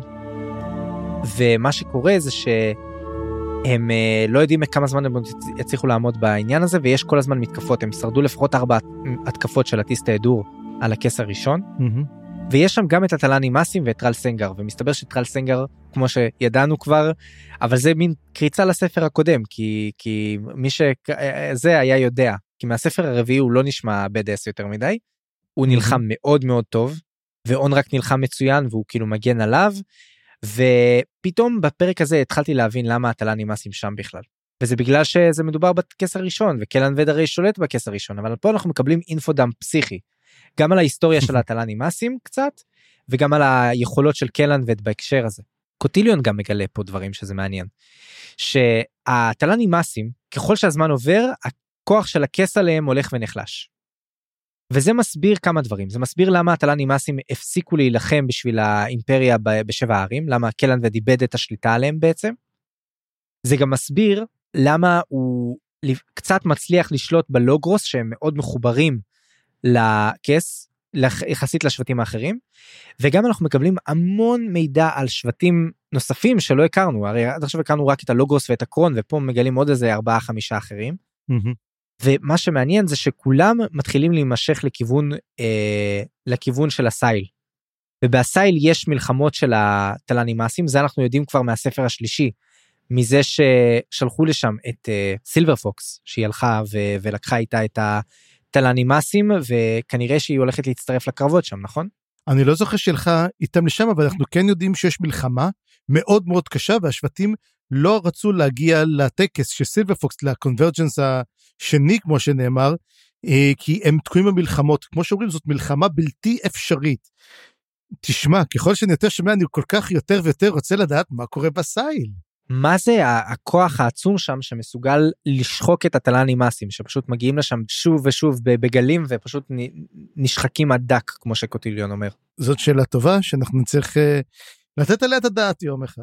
ויש שם באמת אה, גם שיחה בין פאנק לקוטיליון ופאנק מדבר שם על, על האדג' ווקר שהוא נורא מתגעגע אליו שהוא לימד אותו הרבה דברים אבל האמת שאני לא קיבלתי יותר מדי מידע, מידע מזה אני מבין שאתה הבנת קצת יותר אז אולי אתה רוצה להשלים פה את העניין. זה יהיה מאוד מעניין. אה, קודם כל מדברים על אדג' תמיד, ואדג' ווקר תמיד דמות מעניינת מאוד. מי הוא אדג' ווקר? מה הקשר שלו? הוא נמצא, ב... הוא נמצא בצללים, הוא ניסה להיות ככל הנראה לשבת על כס הצללים ולא הצליח, והוא נקלע. אנחנו רואים שזה קורה להרבה מאוד אנשים. זה קורה גם כן להמון המון אלים, זה קורה להמון המון דברים, וגם הרבה לדרקונים. הרבה דרקונים כלואים במלאכת כי הם ניסו לשבת על הכס ולא הצליחו. ואז הוא מדבר והוא אומר למה בעצם יש לך הרבה דרקונים? כי הם מטילים צללים, את הצללים של הדרקונים ולמעשה מי שאנחנו רואים שם בעצם כלוא זה לא הדרקונים עצמם זה הצללים שלהם לפי דעתי זה לא הדרקונים עצמם ולכן אני חושב שגם כן הם, אומר לנו קרדל וטלורסט הם צללים של דרקונים זאת אומרת זה נשמות של דרקונים בכל דבר שעכשיו אנחנו נראה, יכול להיות, אתה יודע, שאנחנו, הם קיימים במציאות, יכול להיות אפילו שסילנה היא אחת מהם, לך תדע.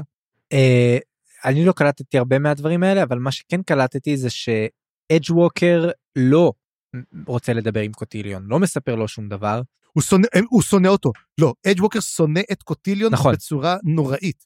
נכון, אבל פאנק אה, דווקא מת, אה, מתחבב עליו. על אדג' ווקר mm-hmm. ומה שקורה זה שאולי קוטילין עכשיו יכול דרך פאנק ללמוד דברים שהוא לא ידע. שזה מתאים מאוד לקוטילון לעשות. נכון ובוא נדבר גם על קצת על טרל. ואני מאוד מאוד אהבתי את הקטע הזה עם טרל סנגר שאנחנו רואים אותו במצב שמאוד מאוד קשה הוא נאלץ להרוג את האחים שלו. את ההדורים האחרים ש... שנשלחים לשם. הוא לא מזהה שם אף אחד כולם שם צעירים אבל הוא אומר מתישהו יגיעו כמה אנשים שמכירים אותי והוא הורג אותם ובוכה, הורג אותם ובוכה.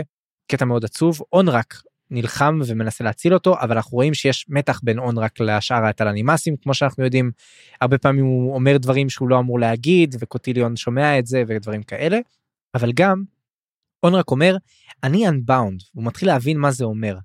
ולאט לאט אונרק יותר ויותר מתחיל להתחבר שוב לרגשות ול, ולמחשבות אנושיות ולא רק תלנימאסיות. והסוף שם היה מאוד מאוד חזק שאונרק בעצם מחליט שיש לו תוכנית. הוא אומר אני לא יכול לחכות שהדבר הזה הולך uh, להמשיך כל הזמן באים עוד ועוד אדורים.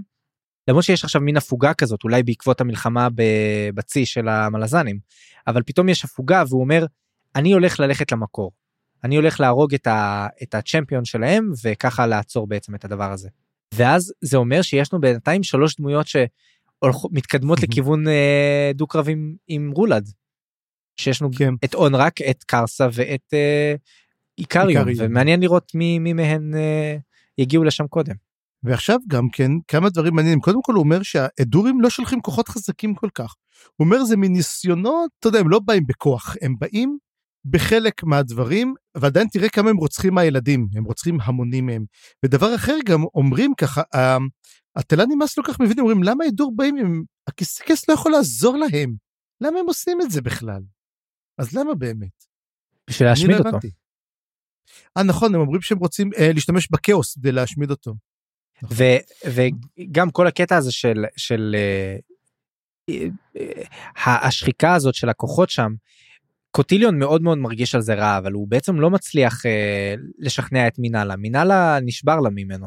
היא אומרת אה, אתה מנצל אותנו אתה לא מגיע לעזור והוא אומר אנחנו נגיע כשהכי תצטרכו את זה. כאילו שזאת אמירה מאוד מאוד קשה והוא גם מבטיח שקלנבד יגיע ושאולי אפילו יכול לרפא אותם. לרפא אותם הוא מגיע. כן אבל אה, כשהוא מגיע אגב קלנבד במצב מאוד מאוד אה, ארטילאי כמו שהזכרת את זה. אבל כן אנחנו רואים שהתוכניות של הבית צללים ומה שהם עושים בפועל מאוד מעניין. אני חושב שזה כי הם פרוסים יותר מדי דק. הם, הם נלחמים בהמון חזיתות המון תוכניות בתוך תוכניות בתוך תוכניות וצריך לראות איך זה עובד.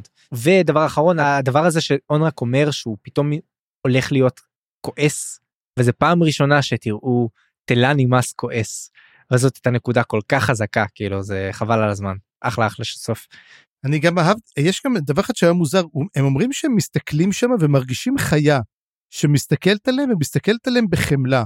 אז על איזה חיה הם דיברו? בטוח שזה לא הדרגות או כלבי הצללים, אבל מי זה טוג, פנדרי, אה, טריץ'? מי נמצא שם עוד איתם? שנייה אני בודק אם רשמתי על זה משהו בהערות שלי. אה לא גם אני כתבתי אה, מה אונרק מרגיש איזו נוכחות חייתית סימן שאלה. כן זה, זה, זה בדיוק מה שאמרתי, כן. כן, לא יודע, לא יודע, שאלה טובה. אז זהו. אז אה, עוד תעלומה קטנה שיש לנו. כן. בוא נמשיך הלאה. בוא נמשיך לקאטר וחבורתו. יש לנו בעצם אה, אה, פתאום אני מתחיל לשנות את דעתי לגבי סילרה ואני אגיד למה. דבר ראשון אה, יש לנו בעצם אה, ה shipping הושלם אה, סילרה הצליחה לכבוש את, אה, את אה, או לפתות אה, את, את קאטר וברטול יש לו עם זה בעיות כנראה הוא גם מקנא אבל זה לא, לא בהכרח. יכול להיות שהוא סתם עדיין אה, זה אבל יש לנו בעצם אה, גם מחשבות של סילרה חרטה על זה על זה שהיא השאירה את התינוקת שלה זה מאוד מאוד מעניין שמה. וגם היא, היא מתחילה להיות הרבה יותר אנושית כאילו היא מתחילה להבין את הקשיים של קאטר ומה מה מניע אותו והיא מתחילה ממש כמו שברטול אומר בציניות אבל זה לא באמת הקרבה עצמית מה שהיא עושה אבל היא כן מחוברת היא כן אה, אה, אתה יודע עושה לו מניפולציות אבל היא לא לוקחת אותו רחוק מהמטרה שלו. היא הולכת איתו לבוריק אה, אה, עדיין למשימה שלו היא כבר לא היא הפסיקה לנסות למשוך אותו לכיוון דרוג'יסטן. וזה זה סוג של שינוי כזה ואיך שהיא מדברת ואיך שהיא מתנהגת בפרקים האלה היה לי ממש שונה מהפרק הקודם. אתה גם הרגשת את השינוי הזה? אני דווקא לא ראיתי שהיא מרגישה חרטה כאילו הוא אומר לה הוא שואל אותה איך את קוראת לה לילדה שלה חוץ מאת יודעת מגידול שהוצאתי אותו וכל מיני דברים שמות נוראים באמת לה. באמת אם הייתי נותנת לה שם הייתי צריכה ללכת אחורה וללכת לקחת אותה אז אין כזה דבר. היא מבינה היא מנתקת את עצמה רגשית אבל גם כן ברטול מה שהוא מסתכל אומר היא מפתה אותו היא משתמשת בו זה כמו שזוכר שאמרתי לך על השימוש. גם עכשיו סילרה מנצלת את קאטר היא עכשיו תשתמש בו היא יכולה לנווט אותו ופה ברטול קצת שאומר מה היא מתכוונת לעשות איתו. עכשיו השאלה מה יקרה אם תבוא למשל אפסלר עכשיו היא מבינה שהיא עשתה לו בסדר היא תרצה ללכת יחד עם קוטיליון ולהציל יחד את uh, קאטר. יש לה לאיפה לחזור? לא בטוח. כן זה אתה יודע זה הרי ברור ש, שדווקא בפרקים שאפסלרם נזכרת בקאטר ומתחילה להתאבל עליו או, או סלאש לרצות לחזור אליו בדיוק עכשיו הוא נמצא עם מישהי אחרת זה הרי זה קלאסי וגם הירח הוא זה שמחבר ביניהם שים לב גם בפרק הזה מופיע הירח וגם הוא מסתכל על הירח ואגב לירח קורה משהו הוא סוג של מתחיל לי, לי, לי, להפוך להיות יותר כהה ויותר אה, אפל הצד הצ, הצדדים האפלים שלו נראים כאילו מתחזקים נכון משהו כזה. אז זו זה, מדברים על זה שהמקום נראה כאילו הרוס, בעצם, יכול להיות שאלו בעצם, אתה יודע, כמו מטאוריטים שנחתו על הירח שלנו. אז הם מנסים למצוא לזה מין פתרון, למה זה קרה? אז אומרים, אולי התרסק שם משהו, כמו שהתרסקים אלים פה גם כן, המקרים של האלים שמתרסקים על העולם מות שלנו. באמת, אבל השאלה, אתה זוכר, אני לא יודע אם אתה זוכר, שאמרו שהיו ארבעה ירחים לעולם המלזני. האם הם חושבים שיש רק אחד? ולמעשה הם רואים ארבעה ירחים שונים כל פעם במועד אחר? אה, או שבאזורים שונים של העולם רואים ערכים שונים, אה, גם משהו כזה יכול להיות. לגמרי, לגמרי, יכול להיות שפשוט, כן. אבל גם ראינו את זה בשיחות של הסדה בספר הקודם, איך, איך יש בעצם שינויים בירחים. אבל אתה יודע מה? כל הרעיון הזה של ברטול, שגם שם אולי התנגשו אלים, זה גרם לי לחשוב על שני דברים. אולי כל העניין הזה, וזו תיאוריה קצת מוז, מוזרה, אבל אולי, אולי... אה, אז זה בטוח נכונה. חשבתי על זה שאולי האל הנכה והג'ייד וכל הדברים האלה זה נמצא על הירח. מגיע מהירח. אה, אתה יודע, זה מזכיר לי את פיינל פנטסי 8 אני חושב. שיחקת בשמונה? בשמונה לא, מאוחרים יותר. אז זה, אני משחק בפיינל פנטסי מאז אה, אולי הראשון, אוקיי? אז בקיצור אני מאוד אוהב, שיחקתי במה שאפשר היה לשחק בשעתו, ובשמונה אומרים שיש את המפלצות בעולם, אומרים, אה, ידוע, המפלצות מגיעות מהירח. איזה, איזה מין, אה, מאוד מזכיר את זה, אתה יודע, מעין, יש באמת את המפלצות על הירח, או אני חושב שזה גם ב-14 עכשיו עשו גם כן משהו דומה לזה. כאילו, יש הרבה מין אמונות שמאמרות שעל הירח של הדברים המוזרים. אגב, גם תזכור שהדבר שחיבר בין אפסלר לקאטר על הירח, בגלל היא אומרת גם כן, כשהיא סיפרה לו את הסיפור על גני הירח, ואחרי שהיא סיפרה את הסיפור על גני הירח הוא התאהב בה. זאת הייתה הנקודה שבה הוא התאהב. אז תמיד כשהוא יסתכל על הירח הוא ייזכר בה. כן בקיצור כל, ה, כל הדבר הזה של הירח מאוד מעניין אותי אז אני תוהה לעצמי אם יש שם משהו מעבר לצד הפואטי שלו. אבל uh, הצד הפואטי סופר חזק כאילו זה ממש ממש יפה איך החיבור הזה נעשה שם. זה זה יודע, זה מהקטעים האלה שאני קורא של אריקסון ואני אומר לעצמי זה זה לא פנטזיה זה ספרות יפה. המוטיבים שלו וה... למה פנטזיה לא, למה פנטזיה לא יכולה להיות ספרות יפה אני לא מבין זה שהרבה מזלזלים בז'אנר לא אומר ש... שמע אני, אני האחרון שיזלזל בז'אנר אבל אני אני מצד שני אני אומר למה לא אבל אבל מתי כן כאילו הלוואי הלוואי שכל ספר. טולקין למשל, מה, לא, הוא לא כותב יפה? מה, את השר הטבעות וכל זה, תשמע, אה, אפילו, אפילו רוברט ג'ורדן, לא תגיד שהוא כתב מוזר, אני לא אגיד שלא, אבל הוא כן, הייתה לו כתיבה פואטית, הוא כן הקדיש. זאת אומרת, אתה יכול ללכת רחוק, או אתה יכול ללכת אה, ולעשות שטויות כמו בחוק הקוסמים הראשון, נעשה S&M ונקרא לזה פנטזיה. טוב, לא כולם, יש כאלה שגם באמת משקיעים. תראה, אני אגיד לך מה, אני, לא, אני אומר בכללי, את טולקין קל מאוד להוציא מהפנטזיה ולהגיד, אה, זה לא פנטזיה, זה בעצם ספרות יפה. אתה מבין מה אני מתכוון? אצל אריקסון קשה לעשות את זה. ואני חושב שזה משהו ייאמר לגדולתו כאילו ש, ש וגם אני לא בטוח שההגדרות שלנו לספרות יפה הן אותן הגדרות אני אני מגדיר ספרות כאילו אני אומר זה השימוש שלו במוטיבים ה, ה, הפרוזה שלו זה שב, שכל דבר נמצא בדיוק איפה שהוא צריך שאתה יכול לקחת כל. תשמע הוא משורר אתה צודק הוא משורר הרי אריקסון משורר הוא הוציא גם ספרי שירה. יש לזכור את זה. אמ, אני גם חושב דרך אגב שמי שעוד עושה את הדברים האלו זה ג'ורג' מרטין. יש לו יכולת עם מילים לא, לא נורמלית. זה ברמות של מילים שמעוררות רגש, הוא יודע איך לעשות את זה. אה, גם רוברט ג'ורדן ידע לעשות את זה. תשמע, יש סיבות למה סופרים מסוימים הם נמצאים ב top of their genre. אריקסון הוא לגמרי, זאת הסיבה שגם כן, זאת אחת הסדרות הכי טובות, כי כל אחד יכול למצוא מי שרוצה את הדברים המוזרים, את כל האפיות יכול, אבל זה גם ספר שכיף לקרוא אותו. אתה קורא אותו ואתה אומר, כן, אני, אתה, אתה יודע, זה מין ספר הזה שאתה לא מתבייש להראות את הכריכה שלו בציבור. כן. מה אתה קורא? מה זה דרקונים? לא, לא, לא, זה אריקסון. אה, אוקיי, ספרות יפה. אה, אתה יודע, והורדת אותו מעט מג'יימס ג'ויס, כן. בקיצור, אה, אה, אה, אנחנו בקלות אה, נגררים. יכולים לפנות ולדבר על הדברים האלה, אבל בוא נחזור רגע לעלילה. אז קאטר וסילרה מגיעים לכפר איזשהו כפר נטוש, ומתכוונים באמת להפליג לאי האוטטרל. ולעשות את מה שכנראה הוא רוצה לעשות שזה להביא את הגופה של הבוריק לענק ה jade מה, ש... מה שהכרנו עד, עד עכשיו. יש לך משהו להוסיף על העניין או שנעבור למאפו? בוא נעבור למאפו. אז כן אז אה, מאפו ונמצא עם ספייט ואיסקר על פאסט. יש שם כל מיני קטעים מוזרים אני אדלג עליהם למשל אה, זה שפאסט אה, מנסה לעשות advances על, על ספייט זה, זה קטע ממש ממש מצחיק אה, והזוי כי גם מוגורה הרי עדיין נמצאת שם אז בכלל. אבל אנחנו רואים את ספייט בעצם מדברת עם איזשהו אה, משהו עם איזושהי רוח ואחרי זה יש לנו בעצם התלבטות על מה היא מדברת כי פסט מדבר על זה אבל אנחנו לא יודעים כמה אפשר לסמוך עליו. מה שפסט אומר בעצם זה שהיא מדברת עם אה, הארסל נכון או, או, או מאהל. מי ספייט מדברת עם איזו רוח. היא מדברת עם איזה רוח של טיסטה אנדי ואז אומרים מי זאת הרוח הזאת אומרים אה זה של טיסטה אנדי בין כל טיסטה אנדי משיטים את הסירה הזאת אז אמרתי אוקיי זה מה שאני הבנתי. בטוח יש שם גם אלמנט של מאהל אני חושב שהיא בהחלט מדברת גם עם מאהל כי זה אפשר לראות את זה מה, מה שפסט אומר אבל ספייט מדברת הרבה על ה convergence ההולך ומתקרב כמה שהוא הולך להיות גדול והיא נותנת שם בעצם שתי אה, נבואות כאלה או, או, או מה שהיא מצפה שהולך לקרות. והדבר שהיא מצפה שיקרה לגבי מפו זה שבסופו mm-hmm. של דבר מפו יש לו מקום ב convergence הזה כי הוא יעמוד שם והוא, הוא, הוא, ואיקריום יהיה שם ולאיקריום יש תפקיד מאוד מאוד חשוב.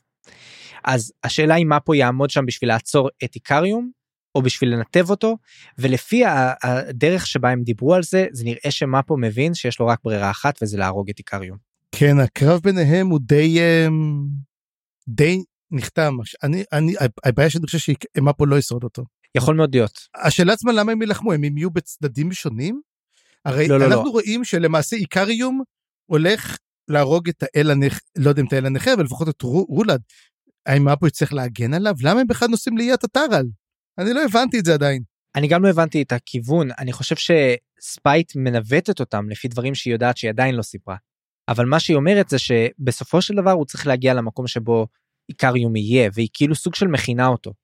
היא סוג של מתחילה לאמן אותו ולהסביר לו מה הוא צריך לעשות, והיא נראה לי לאיפה שהיא מנווטת אותו זה להבין שאיקריום לא יוכל להגיע לאן שמפו לא יצליח להציל את חברו.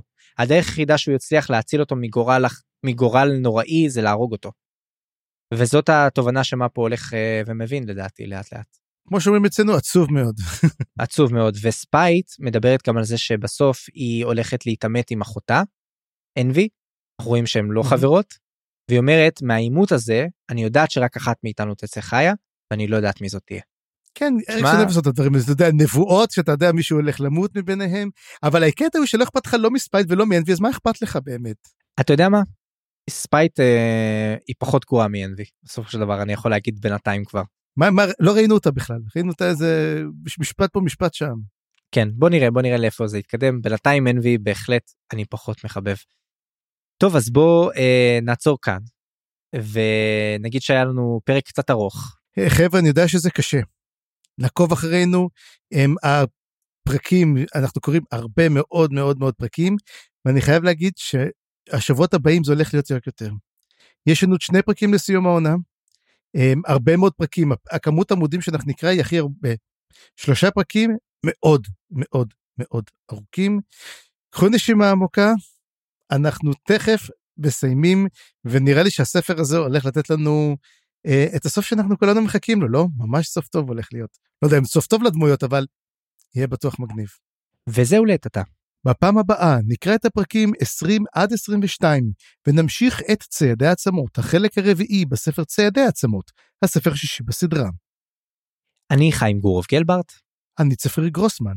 בואו לערוץ הדיסקורד שלנו נחמד שם ונשמח אם תדרגו אותנו באפליקציית הפודקאסטים שבה האזנתם לנו. ואם בא לכם לתמוך במה שאנחנו עושים אפשר לעשות זאת דרך פטריון יש מלא דרגות תמיכה ותשורות מגניבות פרטים בתיאור הפרק. עריכה וסאונד חיים גורוב גלברט.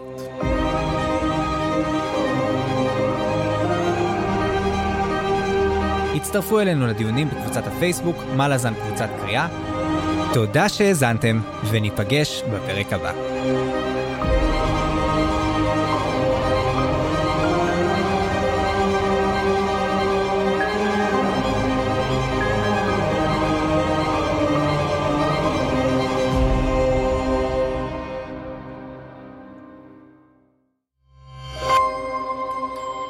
היזיון, הסכתים פנטסטיים